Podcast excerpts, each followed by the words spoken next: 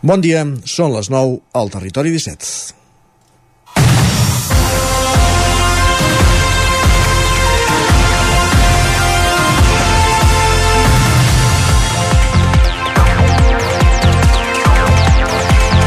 Quan les costures van justes i hi ha una mínima tensió, es trenquen. I això és el que ha passat les últimes setmanes a Roda de Ter. Una travessera urbana regulada per fins a sis semàfors al límit i les protestes dels pagesos l'han posat a prova i s'ha trencat.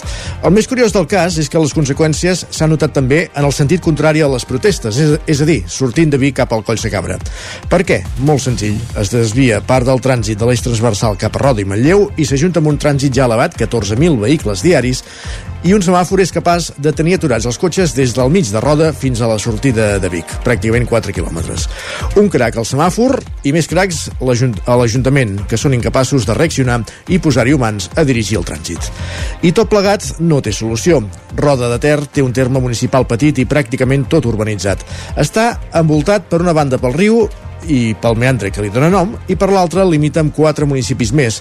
Les solucions, ja sigui una variant, un eix paral·lel al C-17 desplaçat a llevant, o la continuació de la Ronda Nord de Manlleu, ronda que per cert ara també tot just és paper, depèn d'altres municipis, que com que no pateixen el problema no tenen cap intenció de contribuir a resoldre'l. La Generalitat, que no vol mal de caps en moviments socials i pobles veïns, tampoc farà cap pas, i mentrestant, per Roda s'engoleix tot el trànsit propi, el del Coll de Cabra i part del de Manlleu. Un estudi de dubtós rigor d'una presumpta entitat naturalista treia responsabilitat als camions de l'escorxador Patel de Sant Martí Sescors, perquè només són un 3% del trànsit de Roda.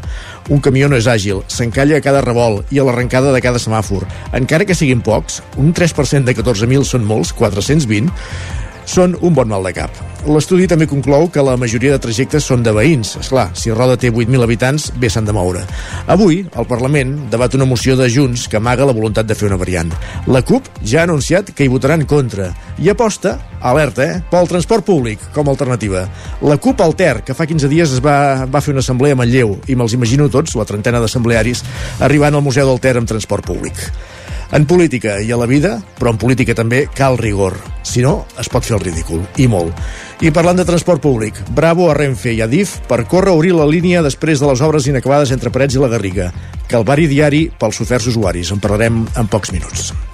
És dimecres 14 de febrer de 2024, en el moment de començar el Territori 17 a la sintonia del 9 FM, la veu de Sant Joan, Ràdio Cardedeu, Ona Codinenca i Ràdio Vic, a més de Twitch, YouTube, Televisió de Cardedeu, el 9 TV i la xarxa més, canals a través dels quals també ens podeu veure cada dia. Territori 17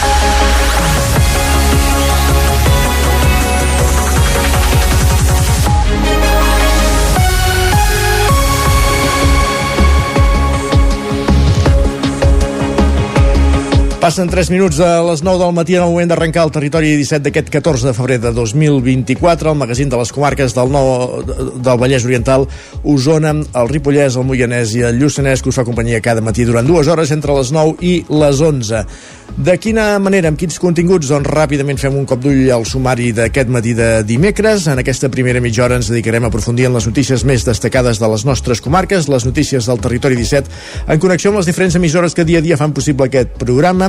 També anirem fins a una codinenca per saludar el nostre home del temps, en Pep Acosta, i repassar quina és la previsió meteorològica per les properes hores. I acabarem aquesta primera mitja hora al quiosc amb en Sergi Vives repassant les portades dels diaris del matí. A partir de dos quarts de deu pugem al tren, sí, amb el permís de Renfe i Adif, a la tren d'Alba amb l'Isaac Muntades, recollint les cròniques dels oferts usuaris de la línia de tren de Barcelona, Granollers, Vic, Ripoll, Puig, Cerdà, i acte seguit a l'entrevista parlarem d'energia. Aquest, aquest dijous a Vic arrenca una nova edició de la Fira de l'Energia i la Construcció Sostenible i les comunitats energètiques i evidentment hi tenen un pes especial però és que també, a més també són notícia perquè vuit comunitats energètiques d'Osona i el Lluçanès han rebut dos milions i mig en subvencions de, de l'Estat de l'última convocatòria. I en parlarem amb un dels tècnics de l'Agència de l'Energia d'Osona concretament en Pau Panyella a partir de dos quarts de deu del matí. I acte seguit sortirem al carrer, qui ho farà serà l'Enric Rubio de Ràdio Televisió Cardedeu per conversar amb, Ju amb Roger Camp de la Creu sobre el Pla Morató, l'organització d'espais naturals de Llinars del Vallès i, i les rodalies de, de Cardedeu. Amb ells arribarem al punt de les 10, notícies, la previsió del temps i els solidaris. Avui ens fem ressò de l'activitat eh, de benestar social que es fa a Sant Quirze de Besora, la Laura Serrat, des de Ràdio Vic, conversa amb el seu alcalde, amb en David Solà. I acabarem el programa com cada dimecres, primer endinsant-nos a Twitter amb en Guillem Sánchez, repassant les pilades més destacades del matí, Acte seguit amb l'alegria interior en companyia d'en Jordi Soler i avui al Lletra Ferits tornarem a Cardedeu per eh, conèixer la proposta llibre Mare Déu, quin viatge de l'Enric Soler. I serà, com no, en companyia d'un altre Enric, de l'Enric Rubio, com cada matí, aquí al Territori 17. Aquest és el menú del matí. I ara, quan passen pràcticament 5 minuts i mig dels 9 del matí, ens posem en dansa, ens posem a servir-vos les notícies més destacades de les nostres comarques, les notícies del Territori 17, les notícies del Vallès Oriental, Osona, el Ripollès, el Moianès i el Lluçanès. Territori 17.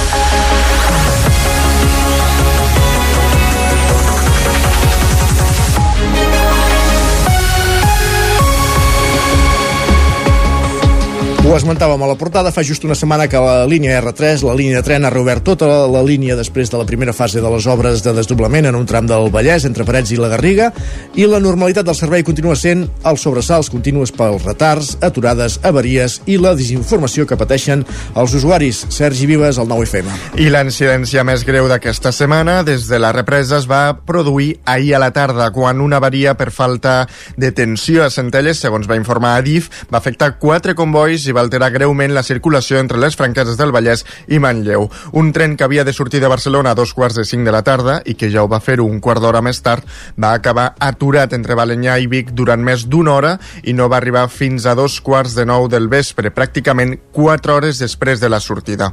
Els usuaris d'aquest tren expliquen que minuts després que quedés aturat per falta de corrent es va haver d'aturar tots els llums d'aturar tots els llums perquè segons els responsables del tren les bateries només duren mitja hora no els van dir fins al cap d'una hora que potser els haurien d'evacuar si no s'arreglava el problema. En només una setmana des de que es va reprendre el servei no han faltat les incidències pràcticament diàries en el funcionament normal de la línia, sobretot pels retards acumulats, en part per la reducció de la velocitat que els trens han de fer en els trams que estan en obres. I aquest matí el retard s'ha tornat a notar a Ripoll. Un tren procedent de Puigcerdà venia ja mitja hora tard déu nhi el que pateixen, el calvari que pateixen diari, a diari els usuaris de, de Rodalies, més qüestions, centenars de tractors bloquegen els accessos a tres emplaçaments clau pel transport de mercaderies a Catalunya, la Junquera, el Port de Tarragona i Mercabarna, a Osona. Una trentena de tractors van tornar a tallar fins a aquesta mitjanit la confluència de l'eix transversal i la C-17 a Gurt. Ahir va ser la tercera gran jornada de mobilitzacions de la revolta pagesa que va tornar a les carreteres amb l'objectiu de col·lapsar tres punts claus del transport de mercaderies al Principat. I ja ho dèiem ara, la Junquera, el Port de Tarragona i Mercabarna. De forma simultània, Unió de Pagesos també va convocar concentracions al territori després de l'èxit de la setmana passada per mantenir viva aquesta protesta. A Vic, la convocatòria va arrencar a dos quarts de deu del matí fins al pàrquing de Sorra del Sucre s'hi van congregar una trentena de tractors vinguts de diferents punts de la Catalunya central. Sentim els coordinadors d'Unió de Pagesos al Bages i a Osona Lluçanès, respectivament, Josep Guitart i Oriol Rovira. Avui fem l'èmfasi eh, a tot Catalunya, tallant aquests tres punts, sobretot concrets, no? que són Mercabarna, el Port de Tarragona i la Junquera, denunciant això, no? denunciant doncs, que aquestes importacions desleials, eh, aquests productes que, que no compleixen la normativa europea, que Europa està permetent i en conseqüència està carregant-se la, la pagesia de, de tota Europa, no només de Catalunya? Uh, els ànims, uh, bueno, jo penso que avui potser aquí a la Catalunya Central no serem molta gent, perquè molta gent ha decidit anar donant suport al que és a l'AP7 a Girona i a Tarragona i a Mercabarna, llavors aquí estem una mica per inturbir una mica tot plegat, diguem-ne, perquè al final, bueno, encara que siguem pocs, també farem una mica de, de xivarri. Amb aquesta protesta demanaven canvis dràstics de forma imminent que permetin, diu Rovira, salvar la pagesia. Home, és evident que la setmana passada, tant el dia 6 com el dia 7 a Barcelona, ha estat una cosa històrica. Possiblement, difícilment ho tornem a, a viure, 2.000 tractors a dins de Barcelona, però i, i això crec que sí que ha fet a donar als polítics i a la societat que tenim un problema greu sobre la taula i que la pagesia estem a, a les últimes. Llavors, si no hi ha canvis eh, dràstics eh, aviat, poder no tindrem temps a, a recuperar la petita pagesia. El tall a la confluència de l'eix transversal i a la C-17 es va allargar fins a mitjanit i a hores d'ara altres punts de Catalunya segueixen amb mobilitzacions. Uns 300 pagesos gironins han fet nit a un punt de l'AP7 on no tenen previst moure's fins a arribar a algun acord amb la Generalitat. I el bloqueig pel port, del port de, Bar de Tarragona s'ha mantingut durant 24 hores. Els pagesos han anunciat que el desbloquejaran l'accés a partir de les 10 del matí. I més mobilitzacions de pagesos perquè també han, van, han tallat, ahir van tallar la C38 al Coll d'Ares i van estar-hi fins a la, i estaran fins a la mitjanit d'aquest dimecres, anuncien Isaac Muntades, la veu de Sant Joan. Aquest dimarts a les 10 del matí, més d'una vintena de tractors i 45 pagesos, un set de França i dos sindicats francesos, han tallat la C38 a l'altura del Coll d'Ares, la via del terme municipal de Molló que comunica el Ripollès amb la comarca del Vallespí, a la Catalunya Nord, ja en territori francès. La idea és que aquest tall es mantingui fins a les 12 de la mitjanit d'aquest dimecres, per tant, haurà estat tallada durant 38 hores. Aquest pas fronterer és un punt estratègic, ja que quan es talla l'AP7 en França al Pertús, hi ha molts transportistes que opten per entrar a Catalunya a través del Coll d'Ares. Aquest matí només hi han quedat atrapats 5 camions i furgonetes i alguns d'ells han optat per girar cua. Per tallar la carretera han posat un tractor a cada banda que aguantar una pancarta del moviment Revolta Pagesa on s'hi podia llegir la nostra fi, la vostra fam i una del Sindicat Agrícola del Vallespí. Just a darrere hi han cremat una pila de pins per barrar el pas. Joan Moret, de Llanàs, que és un dels ramaders que està en el tall, explicava que estaran atents a la reunió amb el conseller d'Acció Climàtica, Alimentació i Agenda Rural, David Mascort, que s'ha de fer avui a Barcelona, i si no els n'agrada el resultat, continuaran tallant carreteres per denunciar que la pagesia ha dit prou. Moret deia que cal fer més pedagogia perquè la gent sàpiga que els pagesos no són els dolents de la pel·lícula. Els pagesos ara tenim molta feina en fer pedagogia. Com que tenim molta feina amb el bestiar sempre, no ens cuidem de fer pedagogia i el, el món civil s'ha separat molt del món rural i crec que ens hem de tornar a posar les piles a explicar-los a la gent què és el que fem i, i què és el que no fem. I el que no fem és contaminar. El que no pot ser és que et diguin que les vagues contaminen i que el pagesos o que la pagesia és el culpable del canvi climàtic. No sé qui s'ho creu tampoc, eh? però bueno, que diguin que les vagues contaminen més que els avions s'ha de ser molt burro, la veritat. I bueno, uh, s'ha de vigilar amb el que es diu i és molt fàcil fotre fake, ni fake news, no sé com en dieu, de que, jo què sé, que per exemple, doncs, que per fer un quilo de carn es necessiten mil litres d'aigua, quan és completament mentida. Moret té tota la raó en aquest exemple. La xifra és molt més baixa, ja que els científics calculen que per produir aquest quilo de carn de vedella es necessiten només al voltant de 50 litres, perquè el 90% de l'aigua consumida pel bestiar prové de la pluja. El ramader llanarenc també va explicar que van signar un manifest conjunt amb els pagesos de la Catalunya Nord amb 10 punts. Eh, som del Pirineu, tant els d'un cantó com els de l'altre, tenim els mateixos problemes cap a Brussel·les. És una demostració a Brussel·les de que tota Europa està contra ells. Ells estan contra la pagesia, el que s'han trobat és que la pagesia està contra ells. I n'hi ha prou de, de papers absurds i de criminalitzar la, la pagesia. És tot una mica, eh? la sequera ha acabat d'omplir el got, però són moltes gotes que han, que han omplert el got. Els pagesos de Coll d'Ares han rebut el suport de la gent de la zona que els hi ha portat pa, embotits i fins i tot l'aula d'hostaleria del Ripollès els hi ha cuinat bunyols i coca. Moret va insistir i dir que cal consumir producte de proximitat per ajudar de debò al medi ambient. Més qüestions, Osona Salut Mental liderarà l'arrencada a Catalunya d'un programa europeu per prevenir el suïcidi, Sergi. El programa se centra en el reforç del treball d'identificació, prevenció i tractament de les actituds suïcides.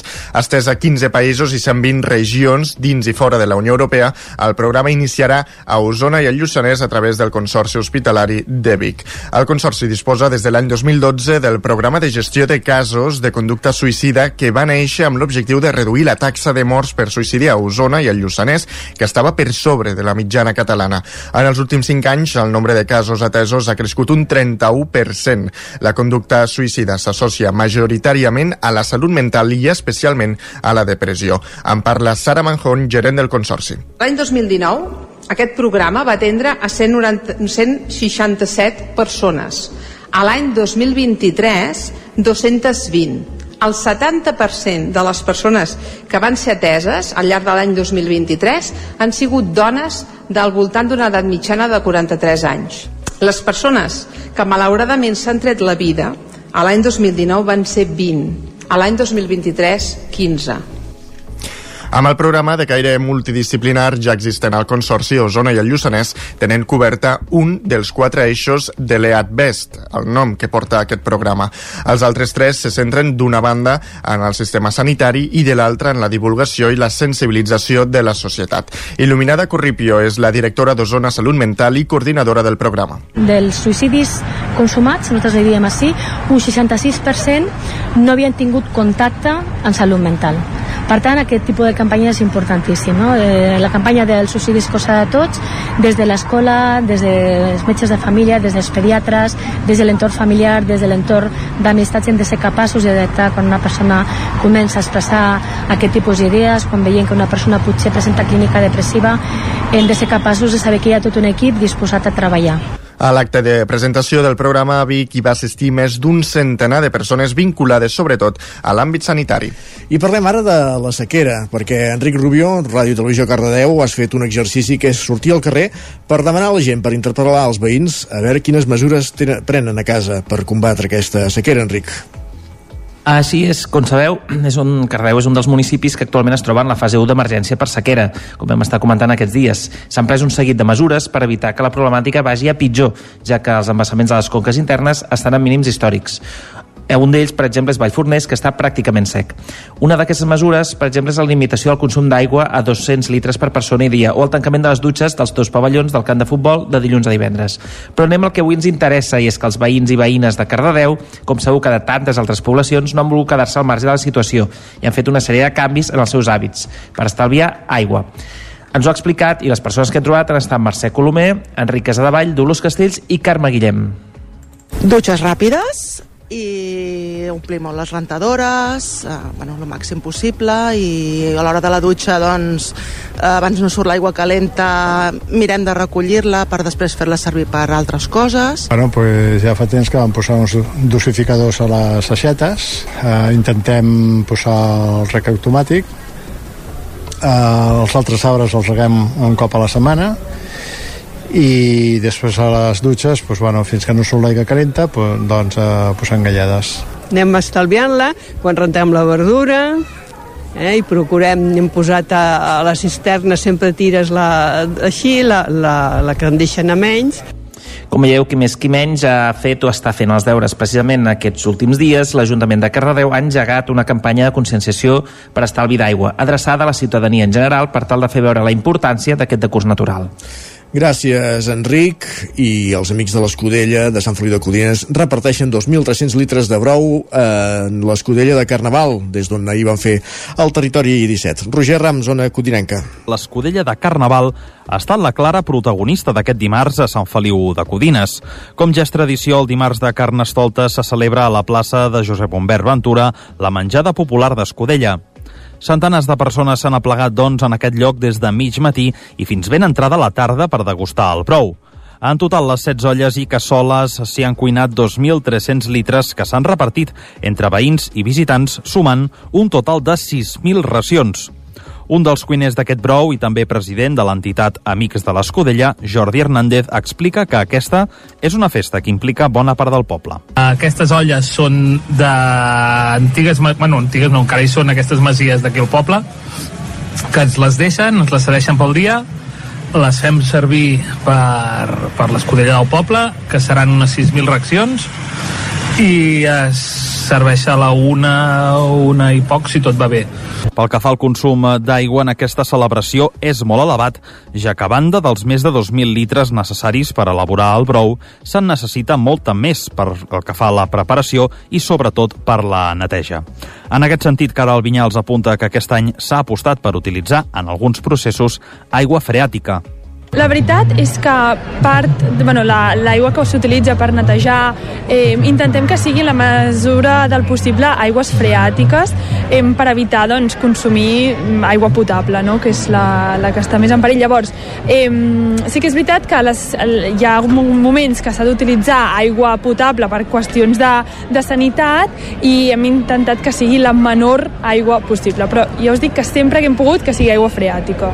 Aquesta celebració té més de 300 anys d'història i ha travessat diversos moments en els que fins i tot hi ha hagut el risc de desaparèixer.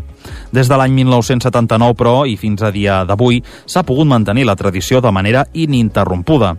En aquest context d'avui l'Ajuntament ha fet pública, coincidint amb la jornada d'Escudella, un auca de l'any 1981 en el que es donaven alguns detalls de com era la festa en aquella època en la que, per començar, es feia el Pla de l'Os davant del bar Cantalet. Fins ben entrada a la tarda, grups de companys, famílies i amics s'han aplegat a les taules instal·lades a la plaça per gaudir d'un dimarts més d'Escudella a Sant Feliu de Codines. Gràcies, Roger. Així acabem aquest repàs informatiu que començàvem al punt de les 9 en companyia de Roger Rams, Enric Rubio, Sergi Vives i Isaac Muntades. Moment al territori 17 de la previsió del temps. Per tant, no ens movem d'una codinenca cap allà que tornem.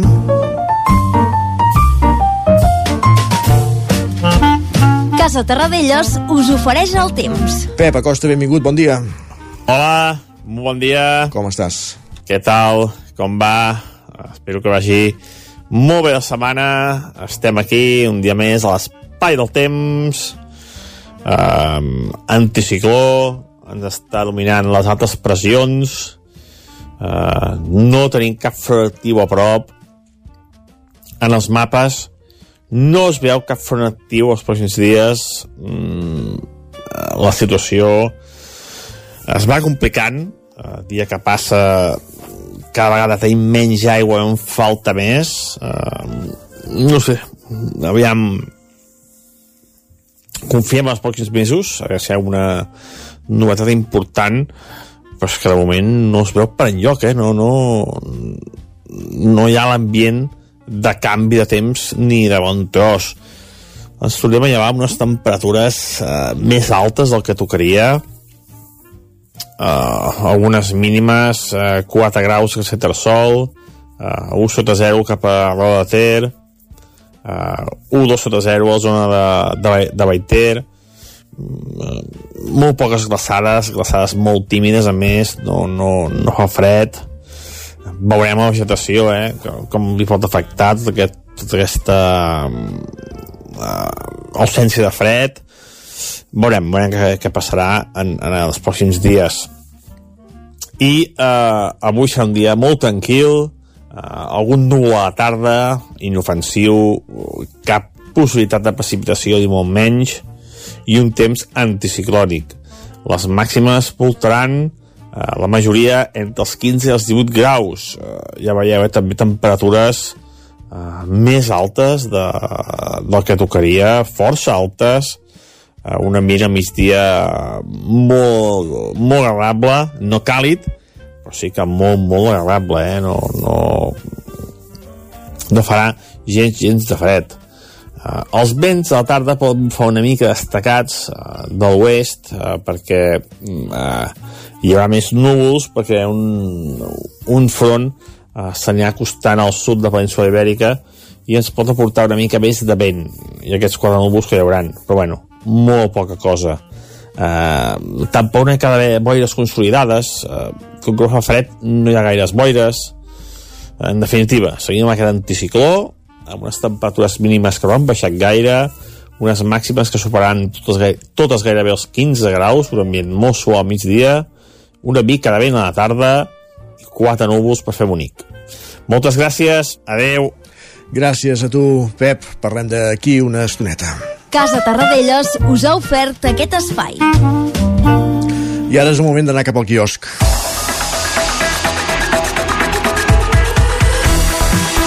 perquè volem saber, Sergi Vives, quines són les portades dels diaris del matí, per on comencem aquest repàs. Començarem pel periòdico que diu que el Parlament veu deficient el control de la Covid als geriàtrics. Diuen que l'òrgan conclou que a les residències hi va haver desconeixement sanitari, descoordinació, inspeccions insuficients i hospitalització desigual. Diuen que les famílies consideren el document aigualit. S'ha vist al Parlament, eh? han trigat 4 anys a veure l'evidència. Sí, no? Molt bé.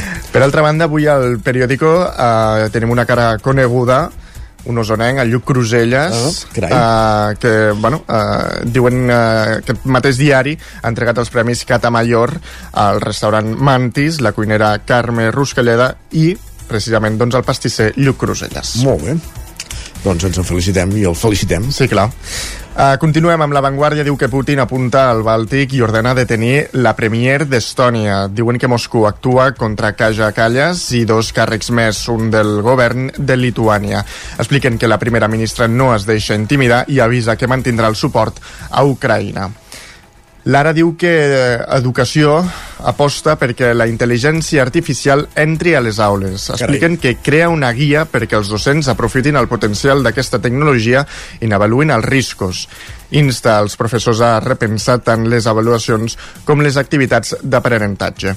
i seguint amb, amb ensenyament diuen que més, del, més de 75.000 alumnes en risc de pobresa no reben cap beca per seguir estudiant després de l'ESO. I anem a repassar a portades espanyoles. El País diu que els contactes del PP amb Junts i Esquerra posen a la defensiva Feijó. Expliquen que Esquerra revela que va mantenir converses amb, uh, amb un diputat i el líder popular es presenta com a víctima de calúmnies. Pobrissó. Sí, no? Uh, L'ABC diu que... De fet, és normal, no?, que els partits polítics parlin entre ells. No, clar, bueno, això és fer política, dic, no? O sigui... en fi, és igual, va. L'ABC diu que Alemanya crida els seus socis europeus a produir armes massivament. Expliquen que el canceller socialdemòcrata demana una ràpida reacció després d'una amenaça de Trump de no ajudar militarment als països de l'OTAN en el punt de mira de Putin i el seu partit planteja inclús la possessió d'un arsenal nuclear.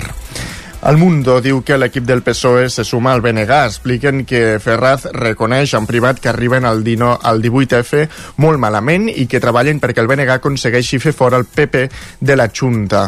Diuen que els socialistes se centren en mobilitzar el vot jove i els abstencionistes. Veuen també com a candidata pròpia la líder nacionalista i creuen que tenen un 50% de probabilitats de governar. I acabarem aquest repàs amb la Razón, que destaquen el pacte secret entre Puigdemont i Sánchez amb l'amnistia. Diuen que en l'última setmana de campanya gallega s'ha concretat les reunions per pactar la mesura de gràcia íntegra. Expliquen que Junts i Esquerra pressionen el PP amb els contactes eh, de juny perquè rebaixi la pressió a Europa. Perfectíssim, Sergi. Repassem ràpidament abans d'acabar aquest repàs als digitals, a l'edició d'Osona i el Ripollès i el Moianès del 99.cat. Doncs ens trobem una entrevista a Griselda Castells, consellera del cicle de l'aigua al Consell Comarcal d'Osona, que diu que no valorem que obrir l'aixeta i que Ragi val molts diners també és cert. I, i a l'edició del Vallès Oriental i el Moianès? Doncs ens expliquen que han quedat alliberades quatre dones que eren obligades a prostituir-se en un pis a Mollet. déu nhi Gràcies, Sergi. A tu. Acabem aquest repàs eh, a les portades i el que fem tot seguit al Territori 17 és una petitíssima pausa, però tornem ja de seguida amb la resta de continguts previstos per aquest matí de dimecres, 14 de febrer de 2024.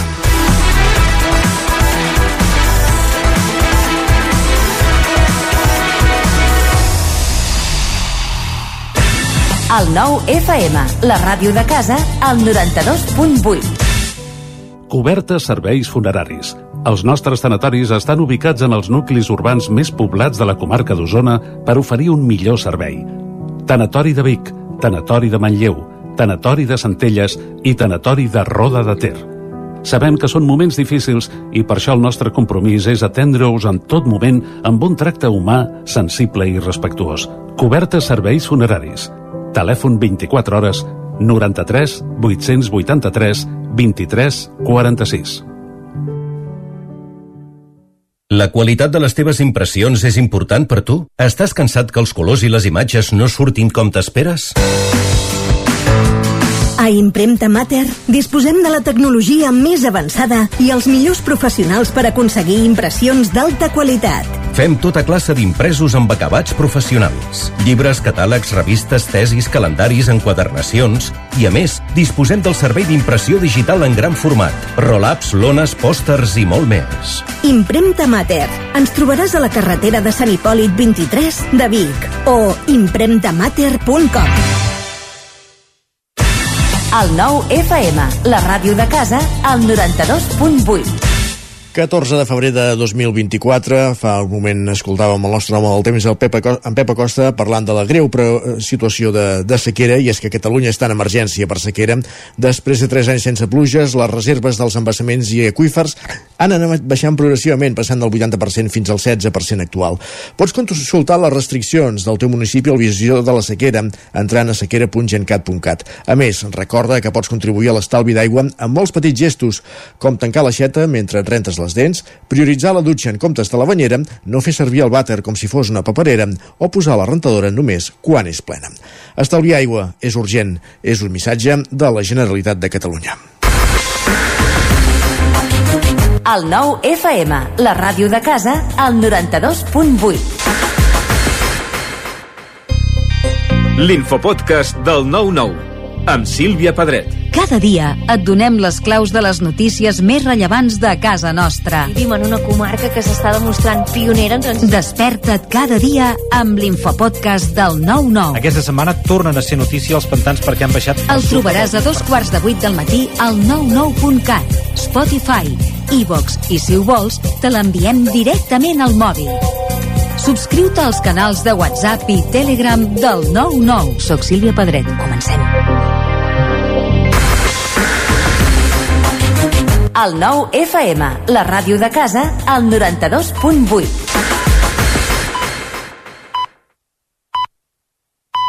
Territori 17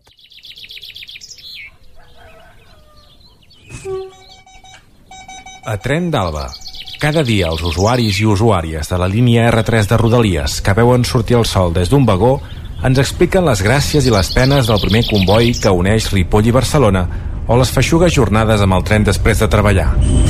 Benvinguts a Tren d'Alba. Ahir a la tarda va haver-hi un nou drama a l'R3 i és que DIF va informar que hi havia interrompuda la circulació de trens entre les franqueses del Vallès i Manlleu i segons van explicar hi havia una avaria per falta de corrent a Centelles. A la xarxa social X, la Sant Joanina Helena Solà anaven a aquest tren i es van quedar tirats abans d'arribar a Vic sense llum i acollonits, segons deia, per si un tren els embestia per darrere. El tren de l'infern l'anomenava. També hem de dir que abans ja hi havia hagut problemes amb un altre tren que anava amb mitja hora de retard. Es tractava d'un comboi en què es van fer baixar tots els passatgers a Sant Martí de Centelles i que agafessin el tren que venia darrere. El que no passa a l'R3 no passa en lloc. Va, ens retrobem demà amb més històries del tren i de l'R3.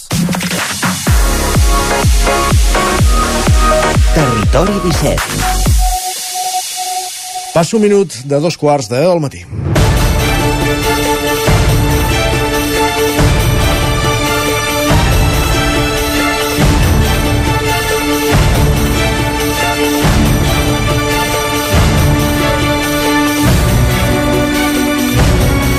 Vuit comunitats energètiques d'Osona i el Lluçanès reben 2,5 milions d'euros en subvencions de l'Estat per tirar endavant projectes per desplegar doncs tot de, de projectes eh, de, de millores en eficiència energètica evidentment per desplegar projectes de la majoria d'ells fotovoltaics però altres lligats al consum energètic sostenible.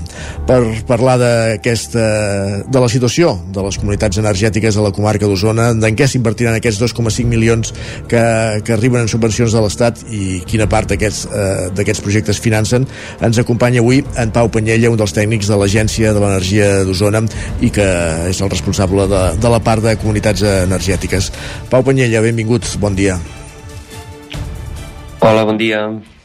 Uh, ara dèiem això, la notícia que rebíem a principis d'aquest any és aquests, uh, aquests diners que en diferents partides de, del Ministeri de transició ecològica arriben fins a 8 comunitats energètiques d'Osona i el Lluçanès que tenen diversos projectes per, per desplegar eh, els seus municipis. Evidentment, eh, són molts diners i aquest territori, Osona i el Lluçanès, són de, de les comarques, tant de Catalunya com de la resta de l'Estat, eh, amb, amb més afortunades, per dir-ho d'alguna manera, o diguéssim que més bé han treballat per aconseguir aquestes subvencions. Correcte, sí, sí, bueno, de fet, eh, de fet, des, des de l'Agència de l'Energia ja fa gairebé 3 anys que, que tenim aquest programa de suport a les comunitats energètiques i que juntament amb, amb la cooperativa de Son Grau, Us Energia Cooperativa, els hi donem suport. I clarament gràcies a tot aquest suport que han rebut doncs, també han sigut capaces de, de, de preparar els seus projectes, de preparar les memòries, les subvencions i per tant no és casual de que que, que Osona sigui una de les comunitats, de les comarques amb més comunitats energètiques que hagin rebut aquest finançament, aquestes subvencions, sinó que ha sigut fruit de l'esforç de totes les comunitats i del suport que han rebut durant els últims anys. Uh -huh. Aquestes subvencions han de cobrir al voltant, al voltant del 60% de la inversió prevista a cadascun de, dels projectes. Per exemple, a Balanyà en vam parlar en el seu moment amb, amb un dels responsables de, de la comunitat energètica, del cooperatiu energètica de, de Balanyà, en Ramon Roig. Un dels projectes eh, més destacats és la construcció d'una xarxa de fred i calor basada en la geotèrmia, d'1,1 milions d'euros, que, que hauria d'alimentar tot un, un barri i que, com dèiem, doncs, eh, rep aquesta injecció de diners per poder desplegar-se, per exemple, no? Correcte, sí. Uh, Balanyà és sostenible, la comunitat energètica de Balanyà Uh, és una de les pioneres més innovadores, una de les que tenim una mica com a referència a la comarca i sí, ara estan uh, començant a preparar aquest projecte de, de xarxa de calor, de, de calor i de fred, no? basat en geotèrmia i a més vinculat a un, un parc fotovoltaic que, que és realment trencador, és de les primeres iniciatives uh, del sud d'Europa d'aquestes característiques i a més impulsada des d'una comunitat energètica Uh, però la, diguem, la majoria de comunitats energètiques a, a la comarca, de les que han rebut la subvenció, el que estan impulsant sobretot són instal·lacions d'autoconsum compartit per a poder això, fer instal·lacions grans fotovoltaiques, compartir l'energia amb els veïns i veïnes que volen ser sòcies d'aquestes cooperatives energètiques, que evidentment estan obertes a tothom, i per tant poder generar estalvi, eh, poder generar estalvi i, i energia local renovable i de proximitat a, a les famílies dels, de, dels, de, dels diferents pobles. No? Ara tornem als projectes, però ara que, que hi feies incís, Pau, eh, què suposa ser soci d'una cooperativa energètica? Quins avantatges o quins compromisos alhora també té? Mm. No? Drets i deures, per entendre'ns. Mm. Uh, quan creem una, una comunitat energètica en forma de, de cooperativa, una cooperativa energètica, el que busquem és eh, sobretot crear, o sigui, poder generar-nos nosaltres mateixos eh, la, la nostra energia. Per tant, deixar de dependre de, dels grans oligopolis, no? de que d'aquestes grans empreses a l'Estat que són els que d'alguna manera diguem, per dir-ho així de forma col·loquial, remenen les cireres, no? Uh, de, deixem de dependre d'aquestes de, de, grans empreses, ens produïm nosaltres mateixos la nostra pròpia energia, que més és d'origen renovable i produïda a quilòmetre zero, diguéssim, en el, el mateix municipi, i a més, a part d'això, volem uh, generar una mica d'estalvi a, a les persones sòcies. Vale? Per tant, l'objectiu és diguem, triple, no? poder aconseguir energies renovables i de proximitat, deixar de dependre de l'oligopoli i, a més a més, eh, generar estalvi a, a les persones sòcies. Evidentment, eh, cal una implicació de, de la ciutadania per tirar endavant aquests projectes. No? Sempre hi ha uns, uns consells rectors, uns grups impulsors que, que tenen un major rol a l'hora de tirar endavant aquests projectes, però la ciutadania, diguéssim, tota la base social d'aquestes comunitats energètiques també hi ha de participar de forma activa a, a, ja, per poder tirar endavant aquests projectes sí, de forma ja, de que pugui passar, diguéssim. De forma activa vol dir que tothom hi ha de contribuir amb, amb cobertes, per exemple, o si una persona no, no pot eh, posar plaques solars a casa pels motius que siguin, perquè és un habitatge de, de lloguer, perquè és una comunitat de veïns i no tenen manera de posar plaques, si, si algú no pot contribuir amb, amb energia, diguéssim, també pot ser soci de la cooperativa?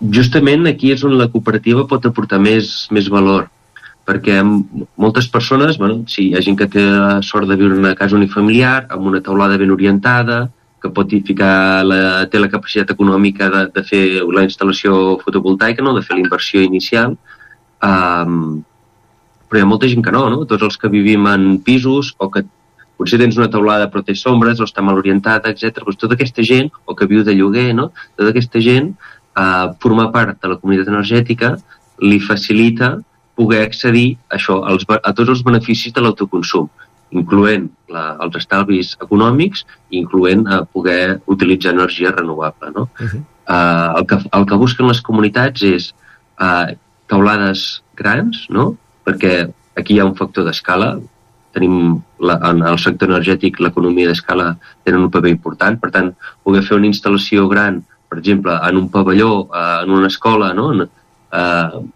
econòmic, el cost unitari per quilowatt instal·lat és molt menor que cadascú faci la seva instal·lació petita a casa seu. No? Per tant, eh, és el que tu coment... Eh, la pregunta que tu feies, doncs justament és on, on aporta més valor les comunitats energètiques, són amb, aquest, amb, amb això, no? En, en que no, no fa falta que portis la teva taulada, sinó que la comunitat busca una taulada i moltes vegades és en col·laboració amb l'administració la, local, amb els ajuntaments, que faciliten que, que aquesta comunitat pugui disposar d'una primera taulada, moltes vegades això de, de propietat municipal, que la cedeix a la comunitat energètica per un període de temps perquè hi pugui instal·lar la seva instal·lació fotovoltaica. Uh -huh.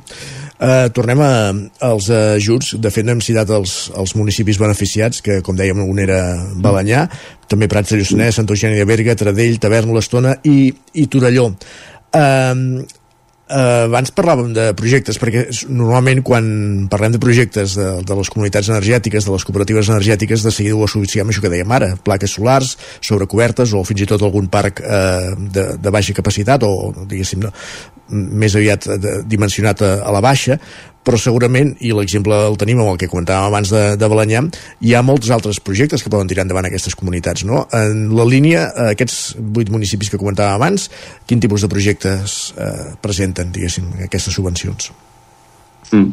Com, com deies, el, el gruix dels projectes són d'autoconsum compartit, perquè tenim un marc regulatori que, que ens ho permet i que ens facilita, diguem, que en, facilita que tirem endavant aquests projectes, hi ha un model de negoci eh, viable al darrere i per tant és diguem, més fàcil tirar endavant aquest tipus de projectes, però també les comunitats energètiques estan apostant per altres projectes energètics, com per exemple de mobilitat, i en, en, en diverses comunitats estan, in, estan instal·lant eh, els han concedit la, la subvenció per instal·lar punts de recàrrega de vehicles elèctrics per fomentar aquesta transició cap, a, cap al vehicle elèctric, inclús en, en una comunitat, tornem a, tornem a Balanyà en aquest cas, ja tenen un cotxe elèctric compartit entre els, els socis de les sòcies de la comunitat. Uh -huh. Per tant, eh, d'alguna manera, eh, bueno, Osona i Lluçanès som una comarca eh, rural on és, a vegades és difícil no tenir cotxe,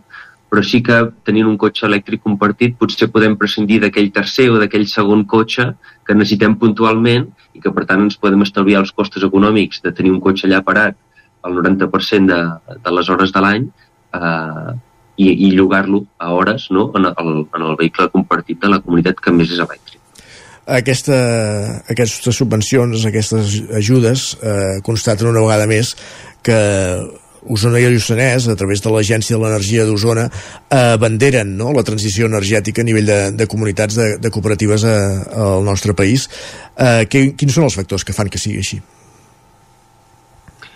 Doncs, eh, doncs hi, hi ha di, diferents factors. Eh? A, la, a la comarca tenim un parell de, o tres de comunitats energètiques molt pioneres, de les primeres que es van crear a Catalunya i a l'Estat. Un és Balanyà, ja n'hem parlat, però també a Sant Pere de Torelló, a, a Taradell, a Olost, vale? que han sigut molt pioneres, per tant, tots els municipis de la comarca hem tingut referències potents molt properes, no? Uh -huh. per tant, això ajuda molt.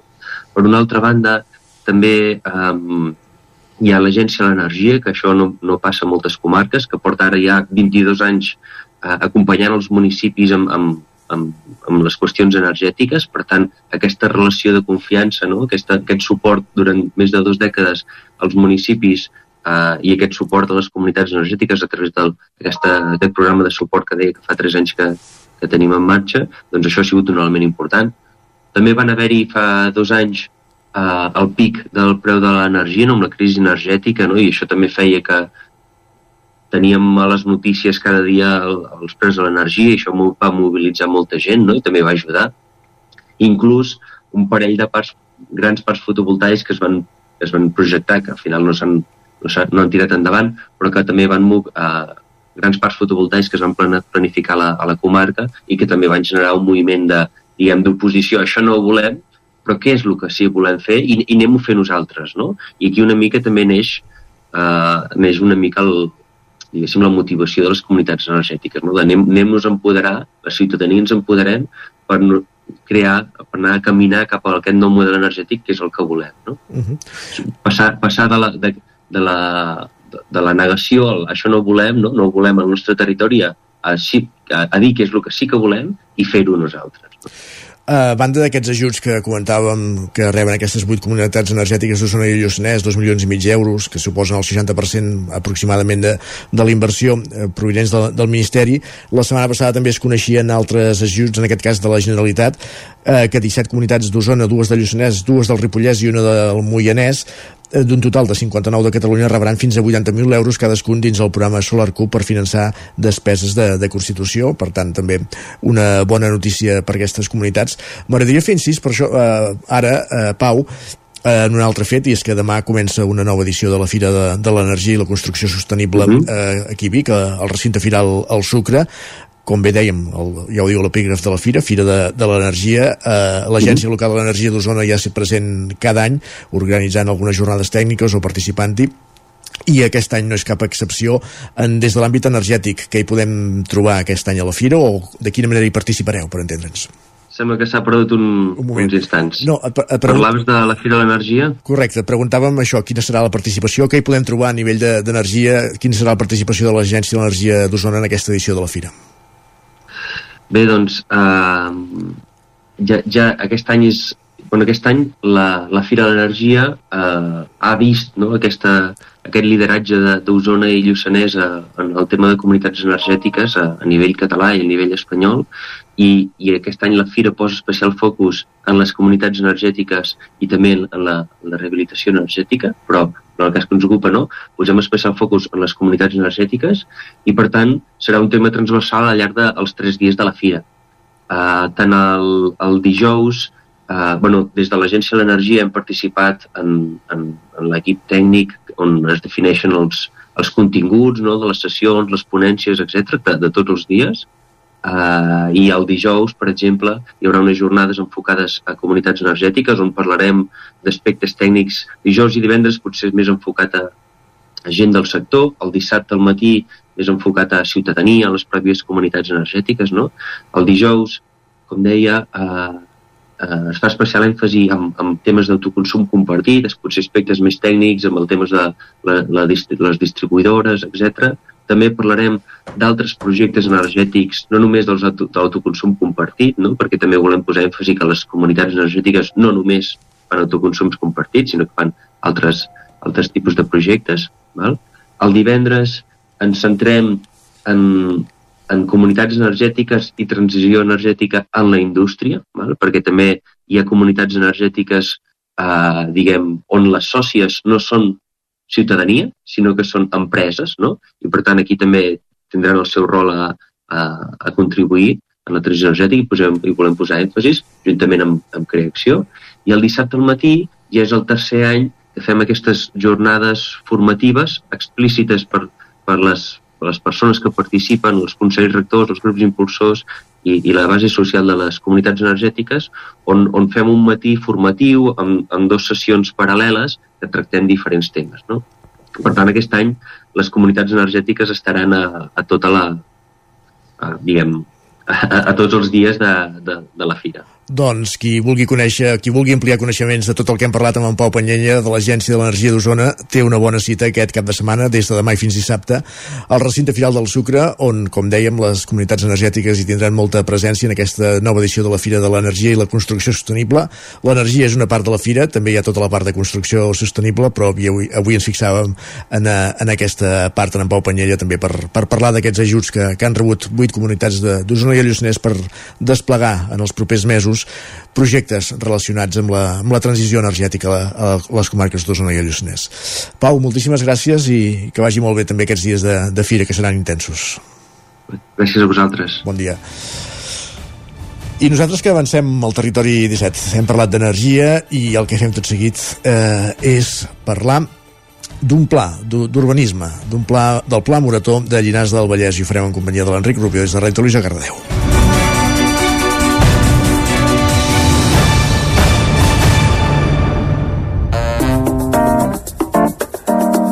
Territori 17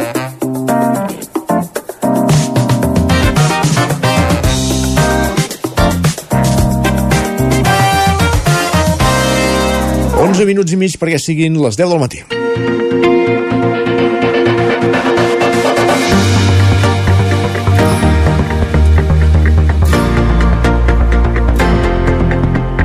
Sortim a l'exterior com fem cada matí avui per parlar del Pla Morató, una urbanització d'espais naturals a Llinars de Vallès i l'entorn de Cardedeu. Enric Rubió, Ràdio Televisió Cardedeu, acaba'ns-ho d'explicar. Bon dia. Bon dia, Isaac, què tal, com estem? Bé, i tu? Fantàstic. Doncs mira, avui hem sortit a passejar, a passejar, no una passejada calmada, però mira, t'ho explico una miqueta. Just Endavant. ahir, des d'aquí de, Ràdio Televisió Cardedeu, recordareu que us fèiem una petita pinzellada sobre el Pla Morató i deien que properament ens sentiríem a parlar. Doncs bé, no hem hagut d'anar ni gaire lluny ni esperar massa i és que avui hem anat amb en Roger Camp de la Creu, de la plataforma del Gaig i de Salvem la Bassa, fins a un dels indrets naturals que afectarà, i s'acaba duent a terme, perquè ens expliqui què està passant, com s'ha arribat fins aquí, què significarà pel territori el fet de que s'acabi implementant, si és que, com dèiem, s'acaba fent, el Pla Morató. Bon dia, Roger, moltes gràcies per aquesta passejada i per estar aquí avui nosaltres al Territori 17. Bon dia, què tal? Un plaer. Uh, avui és una d'aquelles entrevistes en les que tinc moltes preguntes i poques respostes, i d'això es tracta una entrevista, però també és degut a que és un tema que els ajuntaments, uh, que, que, que des dels ajuntaments, disculpeu, s'ha dut amb un relatiu secretisme, i mostra d'això és que molta gent ha sentit a parlar del Pla Morató, però molt poca sap el que és detalladament o a totes les hectàrees que afecta. Però va, comencem pel principi. Què és el Pla Morató i com s'ha arribat fins aquí? Perquè realment Llinars porta un context històric a nivell mediambiental una miqueta convuls, ja que potser eh, podríem remuntar-nos a, a una història recent, doncs la construcció del Mercadona tallant al final del camí ral i realment amb la seva destrucció de l'últim tram, també amb l'stop karting, amb el recent Salvem la Bassa i ara amb, amb, això, amb el Pla Morató. Eh, què tenim aquí, Roger? Clar, el tema del Pla Morató què és i, i què deixa de ser? Doncs és aquest espai que hi ha, eh, en el qual estem, no?, que està entre entre Cardedeu, entre Llinars i, i el Fou, Sant Antoni de Vilamajor, no? I, i aquest és, eh, bueno, és un connector biològic, passa que aquesta riera, eh, doncs, el tema sequera i tal, doncs, eh, està seca, i, i en aquí és on fa temps, no?, aquesta zona es volia fer a, a, al càrting de, de Llinars, de Cardedeu, no?, que es va acabar aturant per la mobilització ciutadana, i que ens mostra com aquest històric de la voluntat de, de tant els ajuntaments de, de Llinars principalment, fins on tinc entès, actualment també el de Cardedeu no, a, a, està, està interessat no? de a connectar els dos pobles, conurbar-ho, que hi hagi una continuïtat uh, urbanística i que, i que, per tant, d'alguna forma, com el que se'ns ha dit moltes vegades, és que en aquí hi hem de fer alguna cosa perquè no hi ha res. Doncs, bueno, no hi ha res. Uh, I tenim una riera, i tenim un bosc, i tenim uns camps, el que passa és que segurament això no interessa econòmicament a l'hora de, de generar beneficis, però sí que hi ha coses i sí que generen uns beneficis que no són econòmics eh, en els termes que els podem entendre, no?, de mercantils, però, però sí, que, sí que tenen una, una importància biològica molt gran i que segurament amb l'estat que estem de canvi climàtic, emergència, sequera, doncs eh, ho hauríem de revaloritzar. Sí, és que, de fet, eh, més que ha la, eh, el pla en profunditat, eh, Cardedeu ara mateix eh, pràcticament està unit amb Granollet, amb el nou polígon que estan fent, que s'ajunta gairebé amb la, amb la zona de les usines del servei 2, i ara, si s'acaba si consolidant això, estarà unit també de forma, amb aquesta, de forma urbanitzada amb, amb Llinars. Per tant, això no és només l'impacte que significa, sinó que és un dels pocs corredors naturals no, que ara queden, per no dir l'únic gairebé. Entre Llinars i Cardeu, sí, és, és l'únic que queda ara mateix. De fet, això, o sigui, inicialment hi ha una idea de, del pla metropolità uh, de, de Barcelona, no sé exactament com s'acaba dient, no? en el qual sí que es contemplava doncs, a línia de P7 construir polígons tal com tenim ara mateix, no? i per l'altra banda uh, a sistemes habitacionals, doncs cases, pisos, a, a, el que sigui. Això no, no, com la idea principal, és el que moltes vegades han dit, no, no, és que el pla metropolità diu això, Uh, i, I a través d'aquí, no, doncs el nou pla d'urbanisme que està en revisió a Llinars del Vallès, que, que proposava 66 hectàrees noves de sol industrial, amb, uh, amb el tema del pla morató en proposa 15 d'activitat econòmica, més uh, supermercats, uh, infraestructures de serveis, sector terciari principalment, que el que és com desplegar encara més uh, aquest creixement.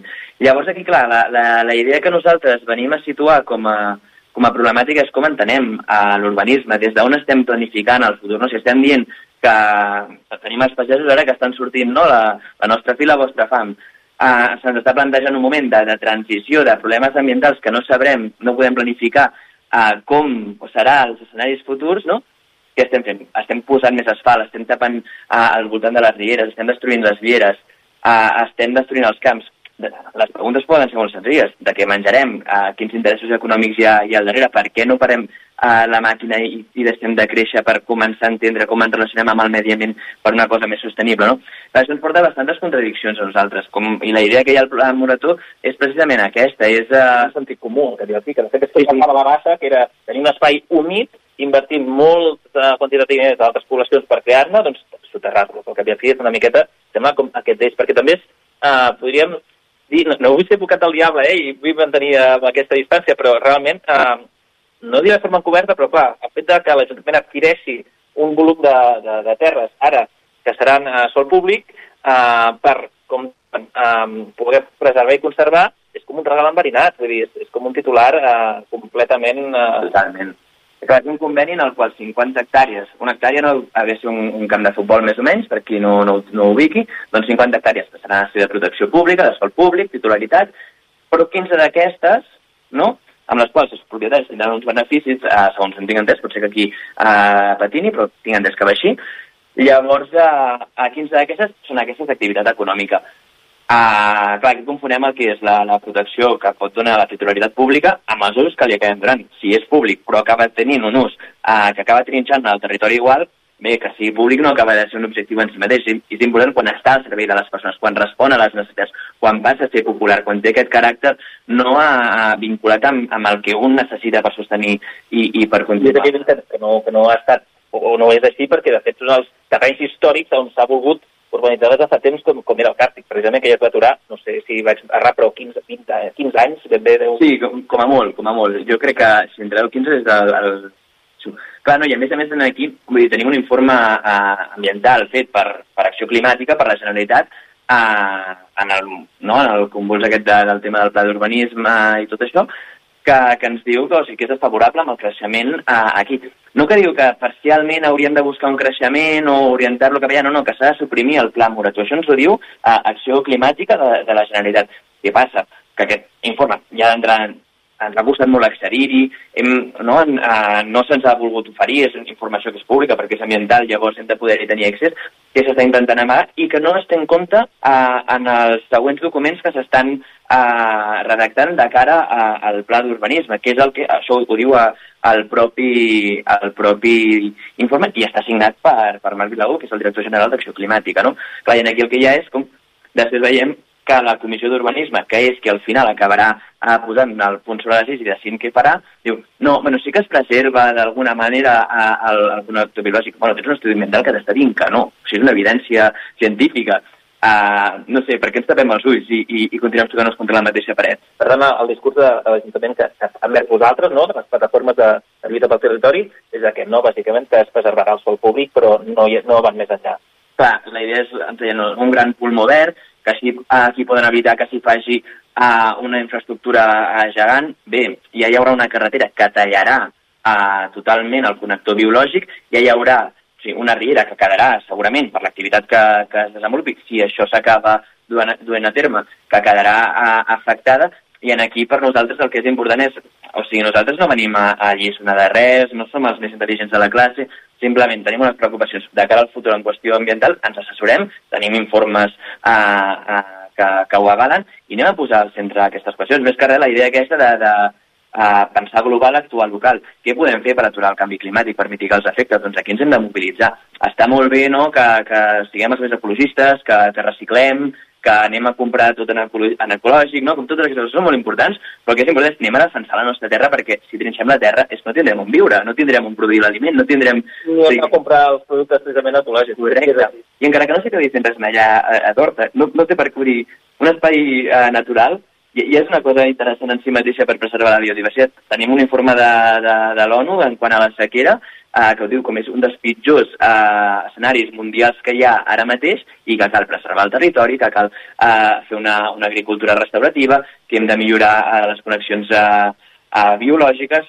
Aquest, o sigui, el Pla Morató, la proposta de l'Ajuntament de Llinars, anar en contra de tot això. I quines, ara mateix, eh, Roger, quines eh, accions eh, tenim previstes dur a terme? Com heu organitzat una miqueta aquesta lluita clarament frontal? Nosaltres, d'una banda, eh, estem preparant doncs, al·legacions i tot per recórrer la qüestió jurídica, administrativa, però principalment el que volem és això, mobilitzar la gent. Aquest dissabte hem convocat a, a Llinars una, una reunió oberta com per parlar, explicar, difondre, no?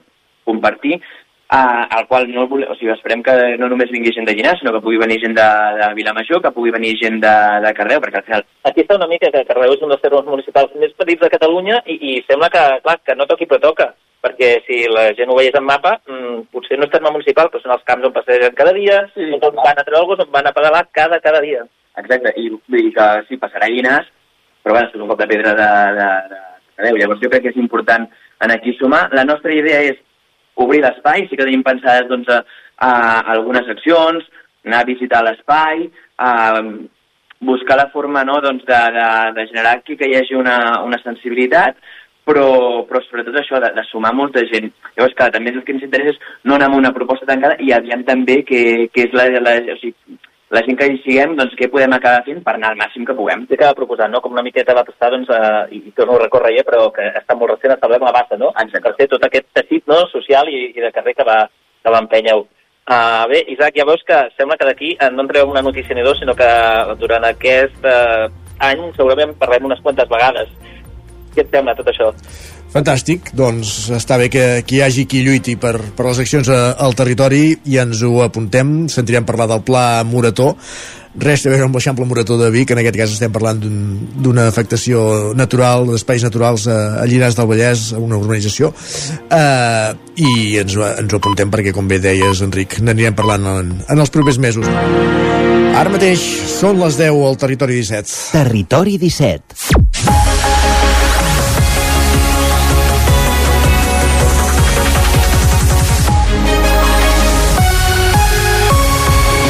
És l'hora de les notícies, moment per actualitzar-nos amb les notícies més destacades de les nostres comarques, el Vallès Oriental, l'Osona, el Ripollès, el Moianès i el Lluçanès, i ho fem en connexió amb les diferents emissores que dia a dia fan possible aquest programa, on Codinenca Ràdio Cardedeu, la veu de Sant Joan, Ràdio Vic, el 9FM, ens podeu veure també a través de Twitch, YouTube, Televisió de Cardedeu, el 9TV i la xarxa a més. Us expliquem a aquesta hora que ha caigut una banda internacional que robaven domicilis i que, entre d'altres municipis, actuava a Vigues i Riells del Fai, al Vallès Oriental. Roger Rams, Ona Codinenca. Parlem de robatori territoris perquè els Mossos d'Esquadra han anunciat aquest divendres en una roda de premsa que han desarticulat una banda criminal que es dedicava a robatoris en domicilis i que ha actuat en diverses poblacions dels dos Vallesos, entre elles Vigues i Riells del Fai, i també en diversos punts de l'estat espanyol i fins i tot en altres països europeus. Tot plegat s'ha pogut desmantellar arran d'un robatori aquí a la comarca, al Vallès Oriental, en concret a les franqueses del Vallès, en el que la policia va poder enxampar part d'aquesta banda robant. Segons expliquen els Mossos, actuaven normalment en urbanitzacions aïllades i accedien als domicilis amb un inhibidor d'alarmes. Pel que fa a l'objectiu, principalment s'emportaven objectes de tamany petit i fàcils de vendre al mercat negre, com ara roba de marca, perfums o joies. En total, el passat 6 de febrer es va detenir a 5 persones, dues d'elles ja han ingressat a la presó i ara els Mossos d'Esquadra han deixat la investigació oberta. Gràcies, Roger. Ho anirem seguint. La fa just una setmana que la línia R3, la línia de tren, ha reobert tota després de la primera fase de les obres de desdoblament en un tram del Vallès i la normalitat del servei continua sent l'habitual, és a dir, un desastre. Continuen sent els sobressalts, continus pels retards, aturades, avaries i la desinformació que pateixen els usuaris. Ahir va ser una jornada crítica i aquest matí torna a haver-hi retard, Sergi. Així, així és. La incidència més greu d'aquesta setmana, d'aquesta primera setmana des de la represa es va produir ahir a la tarda, quan una avaria per falta de tensió a Centelles, segons va informar DIF, va afectar quatre convois i va alterar greument la circulació entre les franqueses del Vallès i Manlleu. Un tren que havia de sortir de Barcelona a dos quarts de cinc de la tarda i que ja va fer-ho amb un quart d'hora més tard, va acabar durant aturat entre Balanyà i Vic durant més d'una hora i no va arribar fins a dos quarts de nou del vespre, pràcticament quatre hores després de la sortida. Els usuaris d'aquest tren expliquen que minuts després que quedés aturat per falta de corrent es va haver d'aturar tots els llums perquè, segons els responsables del tren, les bateries només duren mitja hora. No els van dir fins al cap d'una hora que potser els haurien d'evacuar si no s'arreglava el problema. En només una setmana, des de que es va reprendre el servei, no han faltat les incidències, pràcticament pràcticament diàries en el funcionament normal de la línia, sobretot pels dels retards acumulats, en part per la reducció de velocitat que els trens han de fer en els trams que estan en obres. I precisament eh, s'han tornat a notar aquests, aquests retards aquest matí, en aquest cas a Ripoll, ja que un tren procedent de Puigcerdà venia ja mitja hora tard. Centenars de tractors han bloquejat aquest dimarts eh, tres emplaçaments clau pel transport de mercaderies a Catalunya, la Junquera, on el tall continua, el Port de Tarragona i Mercabarna. A Osona, una trentena de tractors van tallar la confluència de l'eix transversal i la C-17 a Gurb fins a la mitjanit, Sergi. Així és, ahir va ser la tercera gran jornada de mobilitzacions de la revolta pagesa que va tornar a les carreteres amb l'objectiu de col·lapsar tres punts claus pel territori de mercaderies al Principat, la Junquera, el Port de Tarragona i Mercabarna. De forma simultània, Unió de Pagesos també va convocar concentracions al territori convocatori per, després de l'èxit de la setmana passada, mantenir viva la protesta. A Vic, la convocatòria va arrencar a dos quarts de deu del matí. Fins al pàrquing de sorra del Sucre s'hi van congregar una trentena de tractors vinguts de diferents punts de la Catalunya central. Sentim els coordinadors d'Unió de Pagesos al Bages i a Osona i al Lluçanès, respectivament Josep Guitart i Oriol Rovira. Avui fem l'èmfasi eh, a tot Catalunya, tallant aquests tres punts, sobretot concrets, no? que són Mercabarna, el Port de Tarragona i la Junquera, denunciant això, no? denunciant doncs, que aquestes importacions desleials, eh, aquests productes que, que no compleixen la normativa europea, que Europa està permetent i en conseqüència està carregant-se la, la pagesia de, de tota Europa, no només de Catalunya? Uh, els ànims, uh, bueno, jo penso que avui potser aquí a la Catalunya Central no serem molta gent, perquè molta gent ha decidit anar donant suport al que és a l'AP7 a Girona i a Tarragona i a Mercabarna, llavors aquí estem una mica per inturbir una mica tot plegat, diguem-ne, perquè al final, bueno, encara que siguem pocs, també farem una mica de, de xivarri. Amb aquesta protesta demanaven canvis dràstics de forma imminent que permetin, diu Rovira, salvar la pagesia. Home, és evident que la setmana passada, tant el dia 6 com el dia 7 a Barcelona, ha estat una cosa històrica. Possiblement, difícilment ho tornem a, a viure, 2.000 tractors a dins de Barcelona, però i, i això crec que sí que ha fet a donar als polítics i a la societat que tenim un problema greu sobre la taula i que la pagesia estem a, a les últimes. Llavors, si no hi ha canvis eh, dràstics eh, aviat, poder no tindrem temps a, a recuperar la petita pagesia.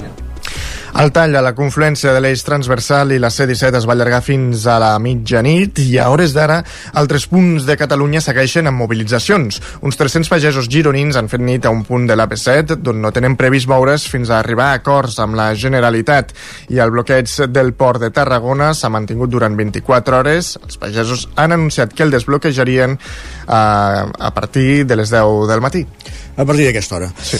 Més qüestions perilla el projecte de la torre i la rehabilitació de la sala Eudal Graells de Ripoll. Isaac Muntades, la veu de Sant Joan. El govern en minoria d'Aliança Catalana de Ripoll amb Sílvia Oriols al capdavant va rebre un altre revés en el darrer ple municipal després que l'oposició en bloc els tombés una modificació de crèdits del pressupost municipal en la modalitat de suplement de crèdit que havia de permetre la rehabilitació de l'edifici de la torre i la reobertura de la sala Eudal Graells, unes inversions que ara perillen. L'alcaldessa explicava la importància de poder rehabilitar l'edifici de la torre que ara està en molt mal estat i de arranjar la sala Eudal Graells, que serviria per reubicar les activitats culturals, festives i lúdiques que s'han hagut de treure d'allà després del tancament. Per poder fer les obres de la torre i no perdre la subvenció que tenim atorgada és necessari iniciar la licitació el més aviat possible i si avui no aprovem aquesta modificació no hi haurà temps material i per tant perdrem aquesta oportunitat. Recordar-vos que en el cas de la torre ja hi va haver una licitació que va quedar deserta i que segons veus del sector va quedar deserta perquè l'import no s'ajustava al cost real sinó que anava entre un 20 i un 25% per sota. Per tant, la modificació d'avui és per poder assumir aquesta diferència i fer una nova licitació on sí que s'hi presentin empreses que puguin executar en el termini previst l'obra. Segons la modificació, la partida destinada a la torre era de poc més de 701.000 euros i ara passava a 909.000. A més, hi havia una partida de 292.000 euros per millorar equipaments, les escales de l'Ajuntament i lavabos públics. En total, aquestes partides s'enfilaven fins als 1,2 milions d'euros. Això sí, aquests diners es treien de partides destinades a rehabilitar l'escola de Sant Bernabé de les Tenes i a construir la piscina municipal descoberta. En el primer cas, s'agafaven els 50.000 euros d'aquesta rehabilitació perquè tampoc haguessin permès fer l'actuació. Amb tot, Oriols va dir que quan tinguessin diners tornarien a crear la partida. Sobre la piscina va ser més contundent. També agafaríem diners de la reserva que hi havia per fer la piscina municipal descoberta. És un projecte que des del minut zero ja vam aclarir que nosaltres no executaríem, no només per les mides inapropiades de la piscina projectada, sinó també pel cost de manteniment que suposaria i que l'Ajuntament clarament no pot assumir, perquè el que menys necessitem ara mateix són més equipaments deficitaris. I evidentment també per temes de sostenibilitat, amb l'estiu que hem tingut de sequera i les restriccions i la previsió de cara als propers anys qualsevol pensa ara mateix en omplir més piscines. La piscina tenia una partida pressupostada de 291.000 euros i es va quedar en només 3.000. El grup, els grups municipals van declinar participar en el debat i van votar-hi en contra directament. Gràcies, Isaac. Més qüestions. Cardedeu tanca la celebració dels 25 anys de l'associació Cardedeu Vital. Enric Rubio, Ràdio Televisió Cardedeu. Doncs sí, així és, Isaac. Cardedeu Vital, que és una associació que va néixer arran de la implementació de l'Agenda 21, impulsada per l'Ajuntament del moment, demostrant que a Cardedeu hi ha hagut vilatans que han cregut en el creixement sostenible i de defensa del medi ambient. Ens ho han explicat en primer terme la Neus Casa Joana i Agustí Morera, que són fundadors precisament de Cardedeu Vital.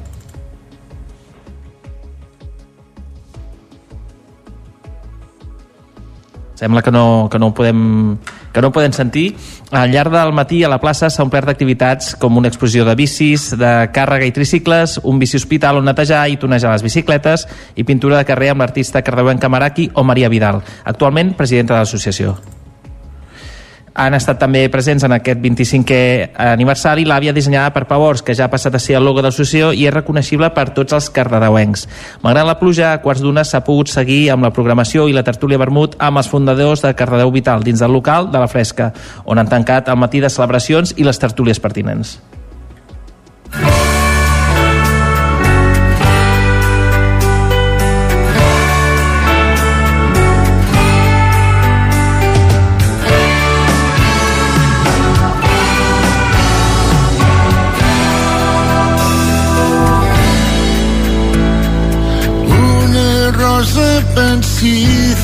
Nous poemes i velles promeses la cançó que Sau ha fet eh, per recordar la figura del que va ser el seu cantant, Carles Sabater. Aquest dimarts feia 25 anys de, de la seva mort, Sergi. Així és, el 13 de febrer de 1999 Sau deixava d'existir en cos i ànima, però no en el record. Ara, 25 anys després, tota una generació de fans recorden què feien aquell dia el de la mort del cantant del grup, Carles Sabater, que va marcar un abans i un després al panorama musical català.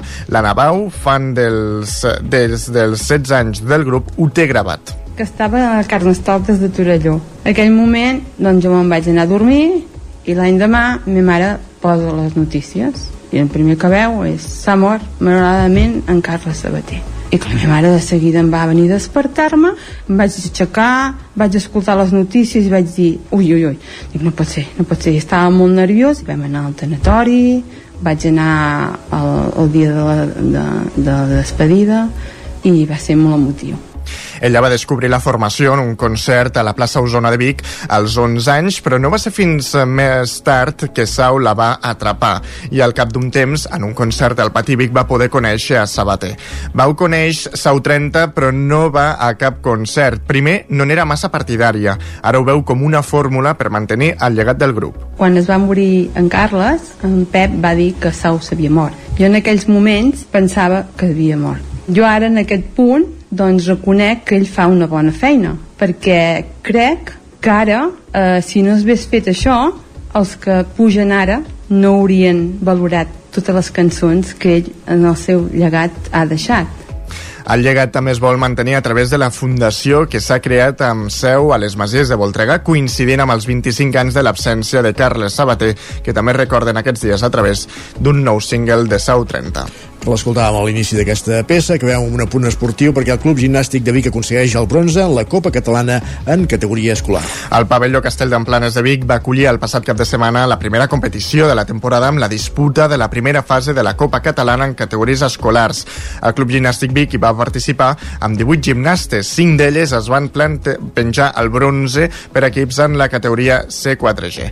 Cla Clara Triola, Berta Illa- Illamola, Nara Castro, Ana Maria Pedrosa i Marina Soler van iniciar la primera subdivisió com a primeres classificades i van mantenir el primer lloc del podi fins al final de la competició. Aquest proper cap de setmana el Club Gimnàstic Vic es desplaçarà a Salt per començar les competicions a les coteries de base.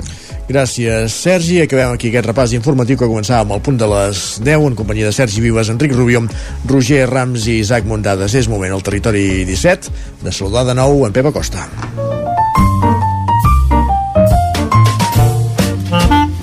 Casa Terradellos us ofereix el temps. Quin temps farà avui, Pep? Benvingut de nou, bon dia. Hola, bon dia. Avui serà un dia molt tranquil, uh, algun núvol a la tarda, inofensiu, cap possibilitat de precipitació ni molt menys, i un temps anticiclònic.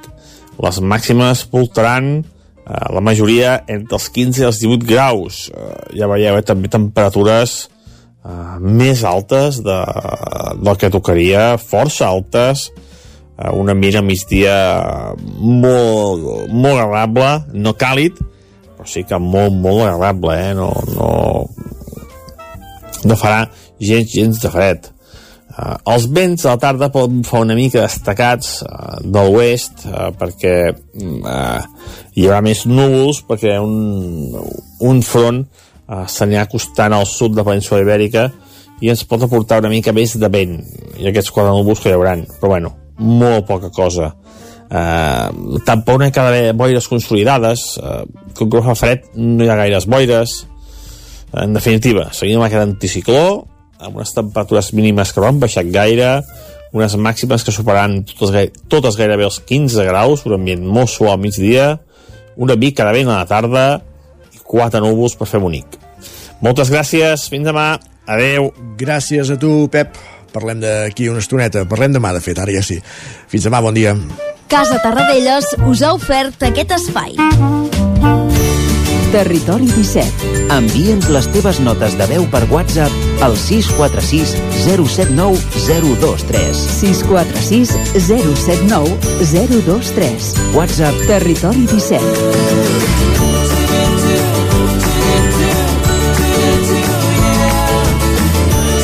Territori 17. Som a Facebook, Twitter i Instagram amb l'usuari Territori 17.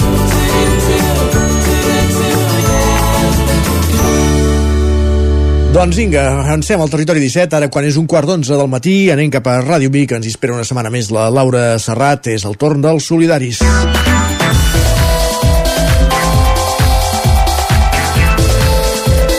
L'espai que cada dimecres, l'espai que cada setmana a aquesta hora dediquem a això, a conèixer iniciatives que es fan en el marc de, de la solidaritat, iniciatives que es fan en el marc de, en el marc d'ajudar els qui més ho necessiten. Cada setmana ens fixem o en una entitat o en un ajuntament.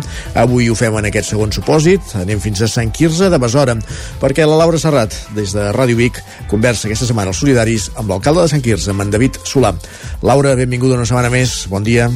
Ens dirigim a Sant Quirze de Besora per parlar amb el seu alcalde, David Solà, sobre les problemàtiques principals del municipi i els plans i projectes previstos per aquest mandat. Solà encara ara la seva segona legislatura al capdavant del consistori i vol donar continuïtat a diverses iniciatives. Parlem de totes elles avui des de Ràdio Vic i a través de l'antena del Territori 17. Abans de res, ens pot fer 5 cèntims sobre la seva trajectòria professional fins a arribar al consistori? I jo vaig estudiar Ciències Actuarials Financeres la llicenciatura de PSP Estadística i vaig entrar a treballar com a actuari a Vidacaixa en tema d'assegurances. De, Després vaig anar a l'empresa Vital Seguro a fer assegurances de no vida, més referenciat cap a temes de decessos i de salut. I després, l'any 2018, vaig fer un canvi vaig tornar a viure a Sant Quirze Besora, que és el meu poble, i vaig començar a fer de professor de matemàtiques i d'economia i després és com vaig entrar d'alcalde. Com va ser, doncs, aquesta arribada fins a l'alcaldia? Nosaltres som un grup nou, som un grup que no tenim experiència en política, som persones que volien treballar Sant Quirze i que per primera vegada entràvem a l'Ajuntament. Jo personalment pensava que nosaltres no entraríem a l'Ajuntament. A les primeres eleccions, és que el primer mandat sigui un tema de fer oposició i de conèixer l'Ajuntament. Els resultats ens van afavorir, ens van donar tres regidors igual que Esquerra, hi havia la possibilitat de governar i de entrar al govern. I després es va decidir que jo feia alcalde dos anys i Esquerra feia alcalde els dos últims. Finalment no es va fer el canvi perquè des d'Esquerra que no era oportú i vaig quedar els 4 anys. Això va ser un cop perquè realment no ho pensava. Des d'aquest càrrec, doncs, quines han estat les accions que ha pres en el sector social? La primer que vam fer va ser conèixer tot com estava, què es feia, un dels propòsits era tenir coneixement o tenir una vida social més activa al municipi. Vam enfocar-ho molt a fer activitats, i en el cas de benestar social vam treballar molt conjuntament amb l'associació de gent gran l'Esplai per poder dinamitzar els seus tallers, sortides i activitats. Per la vegada hem començat a treballar el tema de la residència de gent gran Sant Quirze, l'únic que amb el Covid ens quedat tot parat. En aquest sentit, doncs, quines creu que són les problemàtiques més urgents de la seva comunitat? Nosaltres la màxima problemàtica que tenim és un tema d'inseguretat i d'incivisme. Això és un tema de que va tenir una percepció que ens va molt en contra perquè fa que tothom tingui por i això provoca malestar. I el que estem fent és revertir-ho ho fem des de, dos, des de dos plans per dir-ho així. Un primer pla que és el reactiu és a dir, quan hi ha robatoris hi som, els acompanyem fiquem facilitats per Sant Quirze fem els tràmits amb Mossos, els informem de com està tot. I per la part preventiu que és la creació de taula de salut comunitària i des d'aquí intentarem anar fent actuacions per poder prevenir que noves persones entrin en aquest món. I en relació amb aquests projectes concrets, quines col·laboracions ha establert amb altres institucions o organitzacions de l'àmbit social? Que nosaltres tenim relació constant, amb, per exemple, amb el Consell Comarcal d'Osona, amb el Consorci d'Osona de Serveis, de Serveis Socials, ells és que ens estan oferint els treballadors per poder fer la part d'educació social, seguretat social i fer tot el suport a les necessitats que tenim de la gent. A més, hi treballem directament, estan a la taula de comunitària, però també tenim altres agents, com són entitats del municipi, per poder donar suport i coneixement sobre què podem fer i què podem prevenir, però més també treballem amb usonament i treballem altres entitats de sector social. Pel que fa a l'ajuda social, hi ha algun altre projecte en marxa o que vulgueu engegar al llarg d'aquest mandat? Sí, en tenim una en marxa també del projecte de solitud. Ara sí que tenim clar que Sant Quirze tenim una població envellida. Som conscients de que moltes persones acaben visquent soles, potser en un pis que no és adequat, i a vegades per no voler molestar no demanen res. I sí, això sí que vam fer un projecte en Diputació de Barcelona, que és una, una persona que visita aquestes persones i intenta recollir les seves necessitats i mirem si es pot donar una sortida de serveis socials. Donar coneixement de que es feien, ha ajudes, que hi ha el tema de dependència, teleassistència, banc, el banc d'ajudes tècniques, tot això ho anem oferint. Quines oportunitats de finançament o col·laboració cerca per recolzar aquestes iniciatives? que sobretot, ens tenim sobretot de subvencions, que són subvencions de Diputació de Barcelona a través del seu catàleg, però també tenim, si podem demanar de Generalitat, en demanem. Sí que al Ministeri hem fet alguna cosa, però en aquest cas no, no en serveis socials, sí que en un tema de salut pública o d'animals, però en temes socials sobretot de Diputació de Barcelona. Sí que hi ha una col·laboració també amb l'obra social de la Caixa, que ens dona per algunes activitats. Així doncs, quin creu que ha de ser el paper de l'Ajuntament pel que fa a l'atenció a les persones amb necessitats? Que el paper de l'Ajuntament és el més important. Nosaltres som l'administració més propera al ciutadà i és on van a parar sempre quan hi ha algun problema. Per tant, nosaltres hem de ser sempre a la punta de llança, hem de rebre les problemàtiques i hem de trobar les solucions que puguem no sé més fàcil perquè també tenim la llei de contractes públics, la llei de subvencions que no ens permet tenir tota l'agilitat que potser això ens obliga, però sí que intentem ser el màxim d'àgils en serveis socials, en tema d'ajuts d'urgència, en tema de convocatòries, d'estar sempre en temps, de tenir recursos. I nosaltres el que tenim és ser molt propers, conèixer les seves necessitats, saber amb què podem fer i oferir el que tenim. I des dels ens supramunicipals i estatals, que també els hem mencionat, com creu que es pot abordar? Bueno, aquí seria fer un treball a fons. Jo penso que tenim uns serveis socials amb pocs recursos, hi ha dificultats més grans i que crec que no estan entrant correctament. Jo penso que sempre s'ha d'agafar una visió més municipalista, més propera al ciutadà, amb més coneixement i a vegades que creiem o ens sembla que els ens supramunicipals no tenen aquest, aquesta empatia cap al ciutadà o fan tot de forma molt teòrica i quan ve la pràctica és quan tot costa més. Per tant, jo penso que s'han de replantejar moltes polítiques en aquest sentit i ficar-hi aquesta òptica local. Creu que fan falta més recursos per arribar a cobrir tota aquesta demanda d'ajuda social? Sí, falten més recursos i som conscients que no pot sortir l'Ajuntament perquè ja tenim pressupostos molt ajustats i actualment és quasi inviable. Falten recursos, però igual que falten recursos de serveis socials, en falta d'educació, en falta de salut, per tant és agafar una mica de tornar a canviar tot el pressupost que tenim i reenfocar-ho tot cap a, a les edats reals i el que és el, la societat del benestar. Per tant, reenfocar-ho tot, buscar les prioritats i que sobretot els que són governs de la Generalitat i de, de l'Estat, canviar prioritats. I sí, ficar més recursos cap aquí. I si mirem cap al futur, quins projectes li agradaria veure complerts un cop acabi aquest mandat? En temes de serveis socials, va ser un dels projectes importants per aquests tres anys i mig. Un és la creació del CELLAT, que això ja estem en camí de fer-ho per aquest proper any, i també hi ha tot un canvi de metodologia cap a la residència de gent gran. Aquest és un dels projectes que a nivell d'atenció de serveis ens agradaria molt poder oferir d'una altra manera i finalment un dels projectes que és molt ambiciós perquè hem de buscar molt finançament són la construcció d'uns pisos tutelats a Cal Dimoni i al carrer del Pont que estiguin connectats amb la residència. I això seria el, el projecte més ambiciós de la legislatura i que si no el finançament ens hauria poder fer. Per acabar, i mirant el més enllà possible cap al futur, quin seria el futur ideal que s'imagina per la seva comunitat? El futur ideal seria una taxa de voluntariat entre persones grans, persones joves, poder compartir, això també és una coses que ja comencem a fonamentar aquest espai d'un entorn segur per tothom, un entorn amb oportunitats, que no deixem caure ningú, que no deixem ningú enrere, i que ens permet poder avançar tots junts i de forma igualitària. Això seria l'ideal, l'únic és molt complicat, falten recursos, falten hores de personal, de serveis socials, i això ho anem trambejant com podem, i això serà molt difícil d'aconseguir. Esperem que d'alguna manera es pugui acabar complint. David, moltes gràcies per ser avui aquí amb nosaltres i fins aviat. A vostè, moltes gràcies per tot.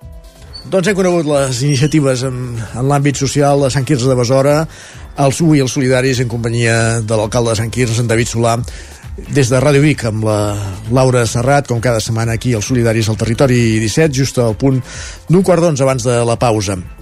La pausa que farem ara, una pausa de 3 minutets com cada matí per la publicitat, però no patiu perquè tornem de seguida amb la resta de continguts previstos en aquest matí de Territori 17 ja ens espera en Guillem Sánchez amb les piolades de cada matí com, com cada dia aquí i acte seguit en Jordi Soler amb una nova edició de l'Alegria Interior per acabar el programa donant pas al Lletra Frits l'espai que dediquem cada setmana al món dels llibres avui des de Ràdio Televisió Cardedeu en companyia de l'Enric Rubio per conèixer Mare de Déu, quin viatge, el nou llibre d'Enric Solent. Tot serà, com dèiem, a partir de dos quarts d'onze, ara aquí al Territori 17.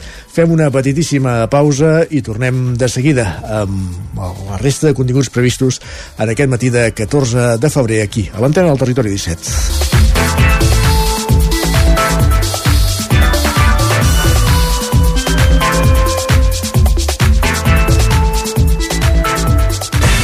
El nou FM, la ràdio de casa, al 92.8. Coberta serveis funeraris. Els nostres tanatoris estan ubicats en els nuclis urbans més poblats de la comarca d'Osona per oferir un millor servei. Tanatori de Vic, Tanatori de Manlleu, Tanatori de Centelles i Tanatori de Roda de Ter. Sabem que són moments difícils i per això el nostre compromís és atendre-us en tot moment amb un tracte humà, sensible i respectuós. Coberta serveis funeraris. Telèfon 24 hores 93 883 23 46. La qualitat de les teves impressions és important per tu? Estàs cansat que els colors i les imatges no surtin com t'esperes? A Impremta Mater disposem de la tecnologia més avançada i els millors professionals per aconseguir impressions d'alta qualitat. Fem tota classe d'impresos amb acabats professionals. Llibres, catàlegs, revistes, tesis, calendaris, enquadernacions... I, a més, disposem del servei d'impressió digital en gran format. Roll-ups, lones, pòsters i molt més. Impremta Mater. Ens trobaràs a la carretera de Sant Hipòlit 23 de Vic o impremtamater.com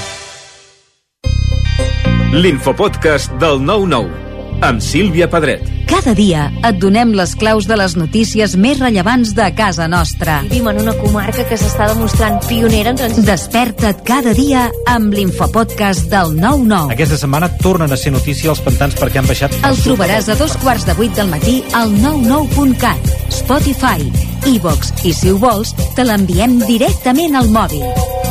Subscriu-te als canals de WhatsApp i Telegram del 99. Soc Sílvia Pedret. Comencem. T'imagines un programa de política, d'economia, feina...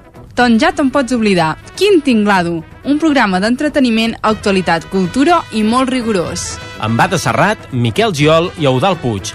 Un programa que no passarà a la història i que tampoc guanyarà cap ondes. No ens flipem. Escolta'l cada dijous en directe de 8 a 9 del vespre al 9 FM.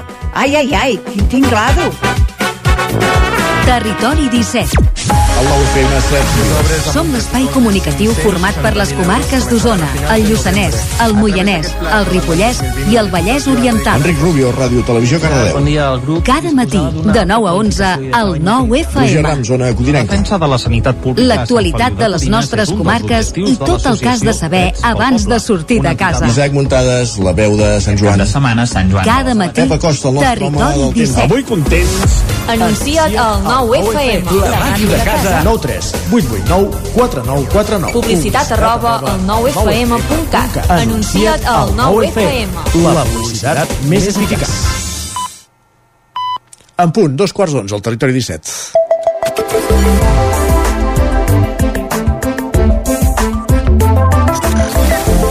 I com cada matí a aquesta hora ens acompanya en Guillem Sánchez dels estudis del 9FM. Bon dia, Guillem. Bon dia, Isaac, com estem? Bé, i tu? Bé, bé, bé, de moment tot en ordre, tot al seu lloc. Doncs això és important, també les piolades, eh? I tant, el que no sé si té tot en ordre és en Roger, perquè avui ens comentava això, un problema nocturn. No Ai, sé si ai, el podem ajudar. Ens diu això de despertar-se sistemàticament a les 3 de la nit i no dormir més o mal dormir fins que sona el despertador, diu, és l'edat o m'estic grillant? Perquè m'arrossego tot el dia i no hi ha qui m'aguanti. Canvi climàtic. Important dormir, eh? Important dormir. La falta de pluja. Sí, també tot està relacionat en, en aquest món. Va, escolteu a l'Èlia, que avui al matí ja ens escrivia això i crec que li queda encara un llarg dia per endavant. Ens diu, a l'oficina, 9 del matí i ja m'he menjat el trist entrepà que portava de casa. I ara quin sentit té seguir aquí? Oh, noi, que faci com jo, que encara el tinc a la bossa. Home, sentit, jo, jo n'hi veig un ja d'entrada, sentit econòmic o de supervivència. Aquest sí, ja li, ja li asseguro que té, que té sentit quedar-se allà fins a l'hora que, que ho ha de fer. Si no, Isaac pot fer com, pot fer com l'Oriol. El que no sé és com s'ho ha fet ell. Llegim el missatge, diu, m'he comprat un entrepà en una fleca i han marcat 0 euros al datàfon a l'hora de pagar. Diu, t'has equivocat amb el preu. I la persona que l'ha atès diu, oh, és que t'he vist tan guapo que no t'he volgut cobrar res. Diu, perdona, com va la penya? Bé, no? Ostres, però que aquestes noves maneres de, de, De vendre. lligar i de vendre Eh, i de de fidelitzar lligar. els clients jo no les coneixia, eh? No, no, molt bé, molt bé. No ens diu per això quin lloc és. No. Si ens ho diu, jo provaré d'anar allà també a veure si, si em marquen el zero. Molt bé. Va, i molt a favor de l'observació de l'Àlex avui, que és 14 de febrer, Isaac. Diu recordatori anual, el dia dels enamorats i el millor de l'any és Sant Jordi. És que només De fet, faltaria. de fet el, el tuit es pot prescindir perquè és una obvietat. Però evidentment, evidentment, però hi ha gent, hi ha gent que encara, sí, que encara no ho sap. Va, i i atenció al que ens escriu aquest usuari avui. Diu, no sé qui em fa més ràbia, si la gent que celebra Sant Valentí o la gent que diu Sant Solterín. Sant Solterín. Sant Solterín. Fan rabiota tots dos, sí. Fan ràdio els dos, que possiblement siguin la mateixa persona. També és possible. La que, la que diguin una cosa i altra. Va, i pensant-ho fredament, té molta raó també aquest usuari que ens, quan ens escriu això. Diu, Sant Valentí i l'enterrament de la sardina al mateix dia. La broma es fa sola. Si ens posem a pensar una miqueta, suposo que tothom, tothom hi arribarà. Va, i bona reflexió d'en Jordi. deixem-ho clar, eh? El territori 17 avui és enterrament de la Sardina, res més. Per tant, dimecres de cendre. Correcte. Correcte. Ja està. Per tant, molts Queda llocs que avui deuen fer sardinada popular Per i deuen exemple, menjar... per exemple, a Torelló, Per Rialba. la panxa, Sí, i tant. Va, i bona reflexió d'en Jordi que ens compartia ahir per xarxes. Escriu, un club demà és Sant Valentí, farem alguna cosa especial? I li respon, t'agrada París? Sí. Doncs decidit, sofà manta i PSG Reial Societat. Veus Poca que bé. solta. Molt bé. Home, avui és un dia, és un dia maco, eh, per veure futbol per la, per la tele. I ahir també era dia, perquè en Pere ens escrivís això. Ens diu, m'encanta el dia que torna a la Champions perquè sempre hi ha algú que porta tota l'edició d'Operació Triunfo inflant la seva vena reaccionària i decideix fer un tuit absolutament fora de lloc defensant que la seva addicció a la cultura de masses és millor que la dels altres. Esclar. Tot és cultura de masses. Operació Triunfo, la Lliga de Campions i tot el que ens venen i ens, i ens en passem per la, per la tele, només faltaria. Uh, per cert, que els àrbitres van tornar a fer les seves amb el Madrid, eh? Sí, de fet, anava per aquí. Com en recorda en Jaume, es veu que en breu han d'entrar en vigor noves normes al futbol. Les repassem amb ell. Ens diu noves normes, targeta blava i no molestar a porters ucraïnesos. Aquesta seria, seria bona. Jo que els comentaristes de la cadena per la qual vaig veure el futbol ahir reconeguessin Que, no- que, que no entenien què havia xiulat o què havia eh, revisat l'àrbitre de bar en aquesta, en aquesta acció ja em sembla el súmum del súmum del, Del súmum. del súmum. Per cert, abans hem, dit, hem parlat de Sant Valentí, hem dit que aquí a casa nostra dimecres de cendre, val a dir que a Ribes de Freser sí que celebra... Sí, correcte, perquè és patró. És, és el patró de Ribes, Sant Fest- Valentí, i que avui hi ha Festa activitats major festives, d'hivern. eh? Correcte. Festa major d'hivern. Pensa que a les 6 hi ha el ball de Sant Valentí amb el grup Lavant Goc, si vols anar-hi, per dir alguna cosa, eh? Tinc una altra cosa, però si no, tinc, però si no em sortís bé aquesta cosa, aniria allà a Ribes. I abans hi ha segur. un taller de clauers i pulseres amb samarretes velles. Vinga, va. Doncs va, parlant de coses incòmodes... Sant Valentí. Parlant de coses incòmodes, d'una situació que no sé si us ha passat mai a vosaltres, Isaac, ens escriuen hi ha moltíssimes incomoditats al món, però cap com acomiadar-te d'una persona al carrer i marxar els dos cap a la mateixa direcció. Diu, jo he arribat a inventar-me rutes per no fer això. I li responen, aquest missatge ens diuen, també hi ha allò de trobar-se al supermercat, parlar una estona de com ha anat la vida aquests 10 últims anys i acomiadar-se per automàticament anar-se trobant per tots els passadissos. Oh, És que hi ha vegades que ens enamorem i no ho sabem i la vida ens porta a, clar, convergir amb, amb, amb algunes persones. És cert que el recorregut del supermercat és curt. També, també és limitat, també és limitat en aquest sentit. Va, gràcies, Guillem. Que vagi molt Isaac. Adéu. Adéu.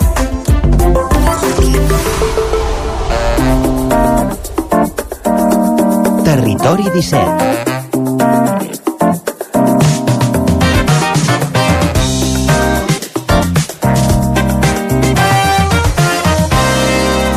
Se'n va en Guillem Sánchez de l'estudi, però hi entra en Jordi Soler. És el torn de l'alegria interior.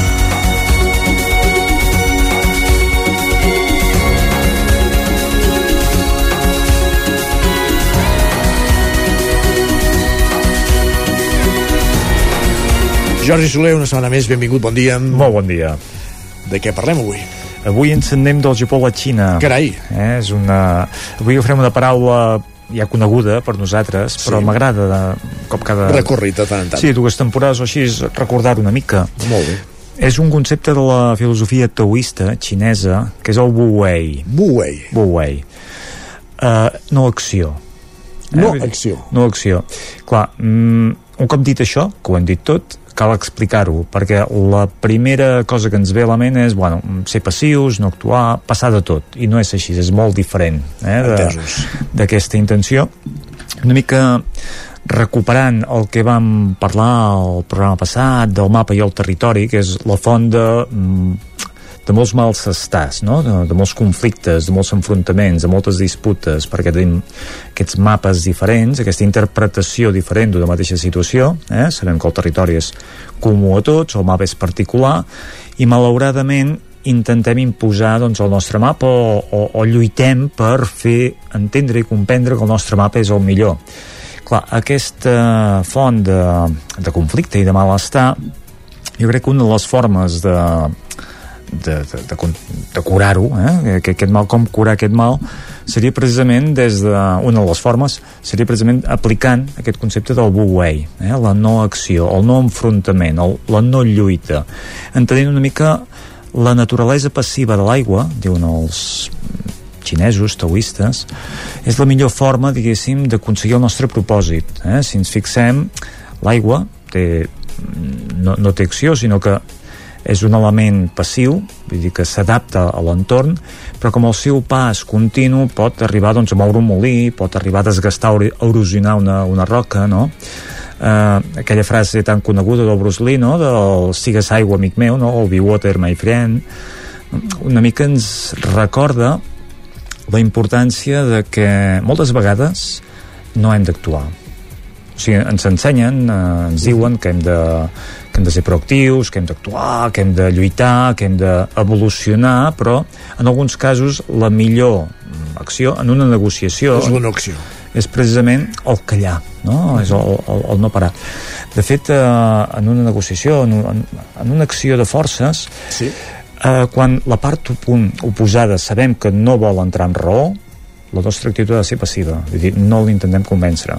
Si sabem que no hi ha res a fer, no cal lluitar perquè en una discussió quan reaccionem quan ell ens diu que no volem sentir quan el seu mapa és diferent del nostre eh, la reacció provoca encara un, un allunyament més gran per tant, si l'altra part té un mapa diferent i nosaltres doncs eh, no volem cedir el nostre la, la millor opció és una opció passiva com l'aigua, eh? no actuem si per altra banda la part oposada no sap on vol anar imaginem amb un moviment si l'altra part no es vol moure nosaltres passius, no movem si l'altra part es vol moure però no sap cap a on, aquí és fàcil el direccionem, l'acompanyem no? li donem una mica el nostre mapa com a guia si l'altra part eh, es vol moure però es vol moure en una direcció diferent de la nostra però es vol moure Sí, és important.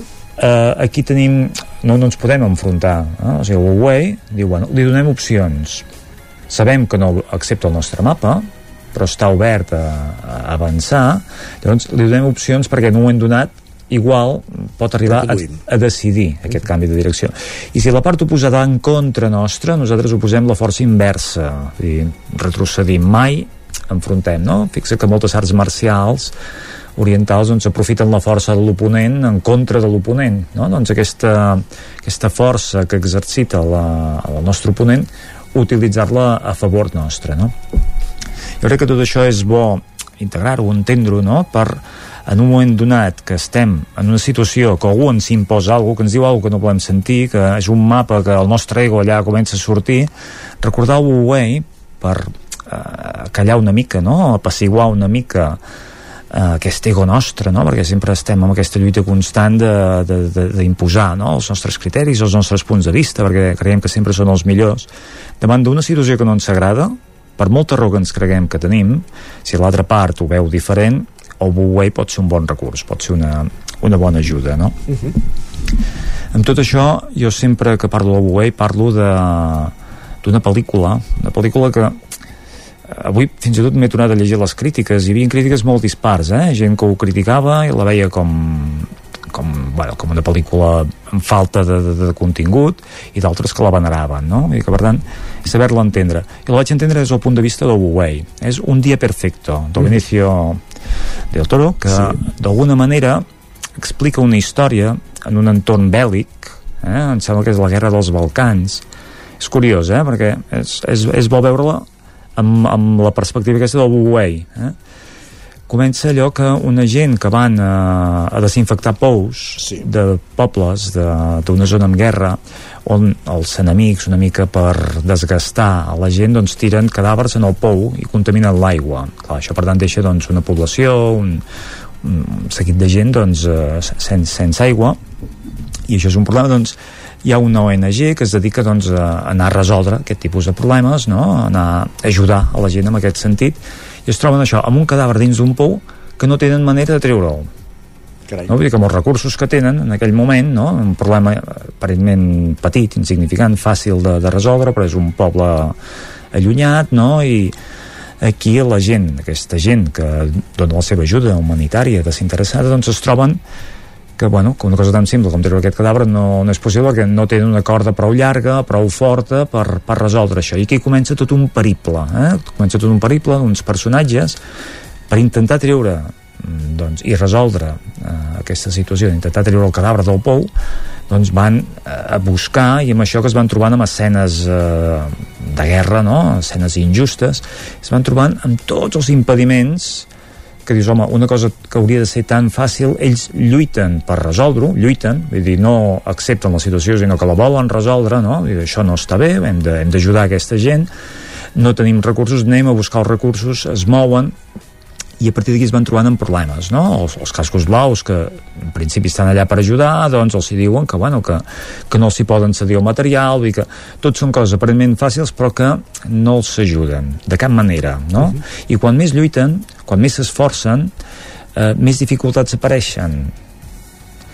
I d'alguna manera, tot el recorregut que fan, cada cop que intenten aplicar una força, doncs l'oposició és més gran, els porta a un punt de rendició absoluta. Diuen, és que ara ja aquí ja, és que ho hem eh, esgotat tot, hem esgotat totes les possibilitats i es rendeixen, no? I en el moment, en el moment que es rendeixen, en el moment que cedeixen, es posa a ploure, s'adonen de que d'alguna forma, de forma natural, aquesta pluja els ajuda en el seu propòsit, perquè omple o fa créixer el nivell del pou i el créixer el nivell del pou si és més fàcil doncs, accedir per distància doncs, en, aquest, en aquest cadàver no?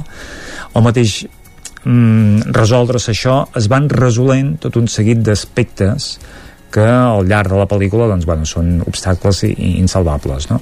això la nostra vida és entendre-ho està clar de fet ara si plogués també es resoldrien moltes coses ara mateix eh? a casa nostra eh? sí senyor, eh? una cosa tan simple com l'aigua exacte l'aigua que no hi donem importància eh? que bueno, obrim l'aixeta i surt aigua i ens adonem de que aquesta cosa tan simple la importància que té no? Vull dir que el, el concepte de l'aigua és bo que el recordem per dir, home, quantes coses poden fer quanta poca importància i l'esforç és, és zero vull dir que l'aigua per gravetat doncs fa la seva feina no? arriba allà on ha d'arribar no? nodreix el que ha de nodrir entendre el concepte de la filosofia taoista d'aquesta naturalesa passiva de l'aigua ens pot ajudar al nostre dia a dia eh? no lluitem en situacions que no hi tenim res a fer. Actuem en els llocs que sigui podem actuar amb la direcció adequada. Amb el mínim esforç podem actuar al màxim. Podem aconseguir d'alguna forma el nostre propòsit eh? el, el màxim d'una situació. El Wu Wei, eh, sobre aquest concepte eh, ha girat avui l'alegria interior, aquest concepte que tindria una traducció que és la no acció, que ha descrit eh, llargament, extensament en Jordi Soler en, en aquesta secció l'alegria interior i ho hem posat com a, i hem posat com a metàfora una pel·lícula un dia perfecte de Benicio del, del Toro i amb aquesta metàfora, com dèiem, de, de l'aigua com a solució, l'aigua que, com dèiem, ara mateix és tan eh, necessitada i que ens resoldria moltes coses. Ja no parlem només d'obrir l'aixeta i que surti aigua, sinó de, de tot l'entorn que, que necessita aigua. Per molts aspectes. Moltíssimes gràcies, Jordi, una setmana més. A vosaltres. Fins la propera. Fins la propera. I nosaltres que avancem al territori 17, tot seguit serà temps dels llibres, perquè és moment d'anar al Lletra Ferits i parlar d'una nova novel·la, d'un nou llibre, Mare de Déu, quin viatge, de l'Enric Soler, tot seguit des de Ràdio Televisió Cardedeu.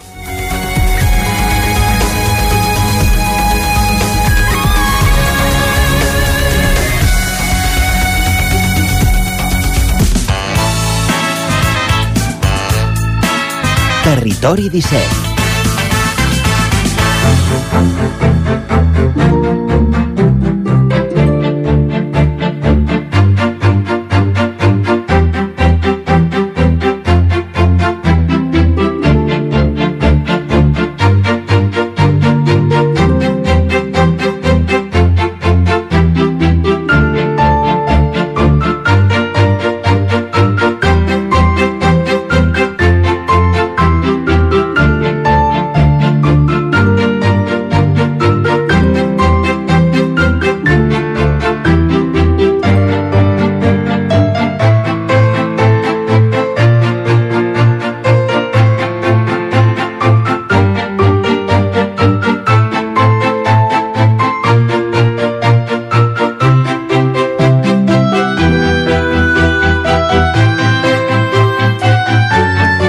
Temps pel lletra ferits al Territori 17, com cada dimecres a aquesta hora, la recta final del programa. No és la primera vegada que ens visita l'Enric Soler aquesta temporada als estudis de Ràdio Televisió Cardeu, però, però hi ve en, en diferent, ha vingut en diferents rols. És així, oi, Enric Rubio, Ràdio Televisió Cardedeu? Així és, Isaac, i és que l'Enric, a part de trascador de camins, viatger i editor i fundador de Tuixit Edicions, també és, com no podia ser d'una altra manera, escriptor. I no són pocs els llibres que té del seu puny i lletra a les seves esquenes, i de segur que tampoc són pocs els que ens esperen en un futur. Qualsevol que hagi llegit un llibre seu veurà que no només està explicat en tot tipus de detalls, sinó que la forma d'escriure és cuidada, pensada i és escollida perquè llegir, en aquest cas, el, segon, el segon volum que avui us portem del que va començar en Pantocrator sigui un acte, i ho dic en majúscules, de plaer. Coneixedor com n'és el territori de la història, avui vull començar amb ell amb un dels, vull conversar amb ell amb un dels seus últims viatges, un llibre que va sortir a finals del 2023 i que el títol que porta per nom és Mare de Déu, quin viatge. Ja n'és tot una declaració d'intencions. Enric Soler, moltes gràcies per ser eh, avui aquí de nou al Territori 17. Com estàs? Hola, bon dia, moltes gràcies a vosaltres, Radio Oients. Doncs bé, encantadíssim de sentir tota aquesta explicació que has fet, aquesta entrada tan magnífica, i sobretot aquest èmfasi que li has donat al títol que realment és com s'ha de dir, s'ha de dir Mare de Déu, quin viatge, no Mare de Déu, quin viatge, no eh, s'ha de dir amb èmfasi que per això hi ha l'admiratiu i tant que sí. Doncs mira, content, content que em fas amb aquesta, amb aquesta redundància. Doncs em fa una, una especial il·lusió poder, poder entrevistar-te en aquesta ocasió per parlar sobre un llibre teu, el que dèiem, el Mare de Déu, quin viatge. Oi que sí, Enric? Segon volum d'una llarga, llarga caminada, podríem dir. Sí, no és potser la llarga caminada més llarga que he fet, bueno, potser no, seguríssim, però sí que és una caminada per un indret molt escollit. Això forma part d'un projecte eh, que és com jo anomeno els, els meus llibres, eh, que al final acaba desembocant en un llibre, doncs és un projecte, i aquest és un projecte que es va anar fent al llarg del temps, des d'una curiositat eh, que va fer petita que va fer que acabés eh, fent el recorregut eh, que després va donar lloc al llibre de Pantocràtor, que és per les valls eh, la vall de Luixón, la vall d'Aran, de Buí i d'Isàbena, que és per on passava el recorregut de la missió arqueològica de 1907, capdavantada per Puig i Cadafal, doncs eh, el, el fet de fer aquest projecte i escriure el llibre em va contraposar amb una altra figura, també arquitecte important, que era Domènec i Montaner, que no tan sols havia estat a on els membres de la missió arqueològica havien estat trepitjant el 1907, doncs ell havia estat el 1904 i el 1905, sinó que a més a més havia, havia allargat el viatge passant pel Pallars i se'n va ocórrer de fer un segon projecte que era remuntar doncs, la Noguera Pallaresa, en aquest cas, des d'Àger eh, fins, a, fins a, a enllaçar eh, més enllà de Montgarri, eh, amb Tredós, amb el camí primer que havia fet amb el Pantocràtor, de manera que es pot fer com un doble camí o una doble lectura, i això, el, el, i això m'ha portat, curiosament, eh, al parlar del que ara dic la trilogia del romànic, perquè aquest estiu passat eh, vaig estar caminant des de Montserrat fins a Prada de Conflent per fer un tercer projecte que ja estic començant a desenvolupar, que és el camí de l'Abat Oliva, i situar-me a l'any 1000, és a dir, intentar explicar per què aquests monuments romànics doncs, estan a casa nostra. És a dir, que fixa't tu que el projecte ha anat comportant diversos, diverses fases i ara en concret, doncs bé, estem aquí per parlar del Mare de Déu Quin Viatge, que és el, el segon d'aquest d'aquesta trilogia. Per tant, hi haurà una tercera part, hi haurà una trilogia. Eh, Quedem-nos en, en aquesta segona part. Quant temps has trigat a recórrer tots els indrets que, que mostres al llibre, Enric? Bé, hi ha com dues fases també en aquest sentit. Una primera que vaig fer el 2016, que realment jo quan em plantejo de fer un camí a peu, el que faig primer és fer-lo a peu seguit, no faig etapes ni trossets, sinó que busco el temps que necessito i llavors doncs començo i acabo d'aquesta manera miro primer si el camí és possible fer-lo, perquè al final jo el que intento és recuperar camins històrics per on passaven aquestes figures, en aquest cas arquitectes, que van anar allà a descobrir o a redescobrir o a mostrar-nos el romànic que hi havia, però esclar, lògicament ells anaven per uns camins d'abast i així que ara són la carretera. I aleshores jo el que faig és miro a banda i banda de la carretera, si hi han camins senderistes, si hi han rutes, si hi han GRs, PRs, que pugui anar enllaçant i, i poder fer el viatge i, i el primer que faig doncs és aquesta aproximació amb la motxilla, amb els dies que calgui i caminant dia a dia i dormint doncs en fondes, pensions, hostals, llocs que vaig trobant a mesura que vaig fent les etapes. Però després hi ha una altra etapa interessant, que és que el 2019 me'n vaig anar 15 dies més a totes les valls que vaig recórrer a peu, i vaig fer 2.200 quilòmetres en aquests 15 dies per fer totes les visites guiades que, clar, anant amb motxilla a vegades et perds, perquè arribes un dimarts i la visita és el dimecres, o acaba, o la visita aquell dia està plena, o, en fi, aquestes coses, no? I aleshores doncs, vaig fer això, aquests 2.200 quilòmetres amb cotxe, en aquest cas, per fer totes les visites tècniques, i per tant és un llibre que hi ha com dos viatges, no? un viatge que es fa a peu, amb la motxilla, sol, i anar fent, i un altre que es fa doncs, amb cotxe, bàsicament això, fent les visites tècniques, visitant els museus, parlant amb la gent, eh, etc. no? I déu nhi no, no és poca feina, però, però segur que, que agraïda per a un amant del territori com, com tu i de, i de la història. De fet, eh, això et volia preguntar, la feina d'historiació que has fet no ha estat pas lleugera, en cap sentit. Segur que ja coneixes el territori que has frasat, com comentaves, però ara que l'has disseccionat d'una manera tan completa, és possible que el vegis amb altres ulls i altres matisos? Sí, al final aquests projectes literaris que faig, en primer lloc el, més, eh, el que més se'n beneficia sóc jo mateix, perquè jo quan faig un projecte no sé què em trobaré, mm, encara que hi hagi estat, doncs hi hauré estat com a turista o hi hauré estat fent alguna ruta, però no hauré estat fent exactament el camí que em plantejo fer, perquè realment és el que seguien aquests arquitectes en aquest cas, o l'Abat Oliva en el camí de l'Abat Oliva, no?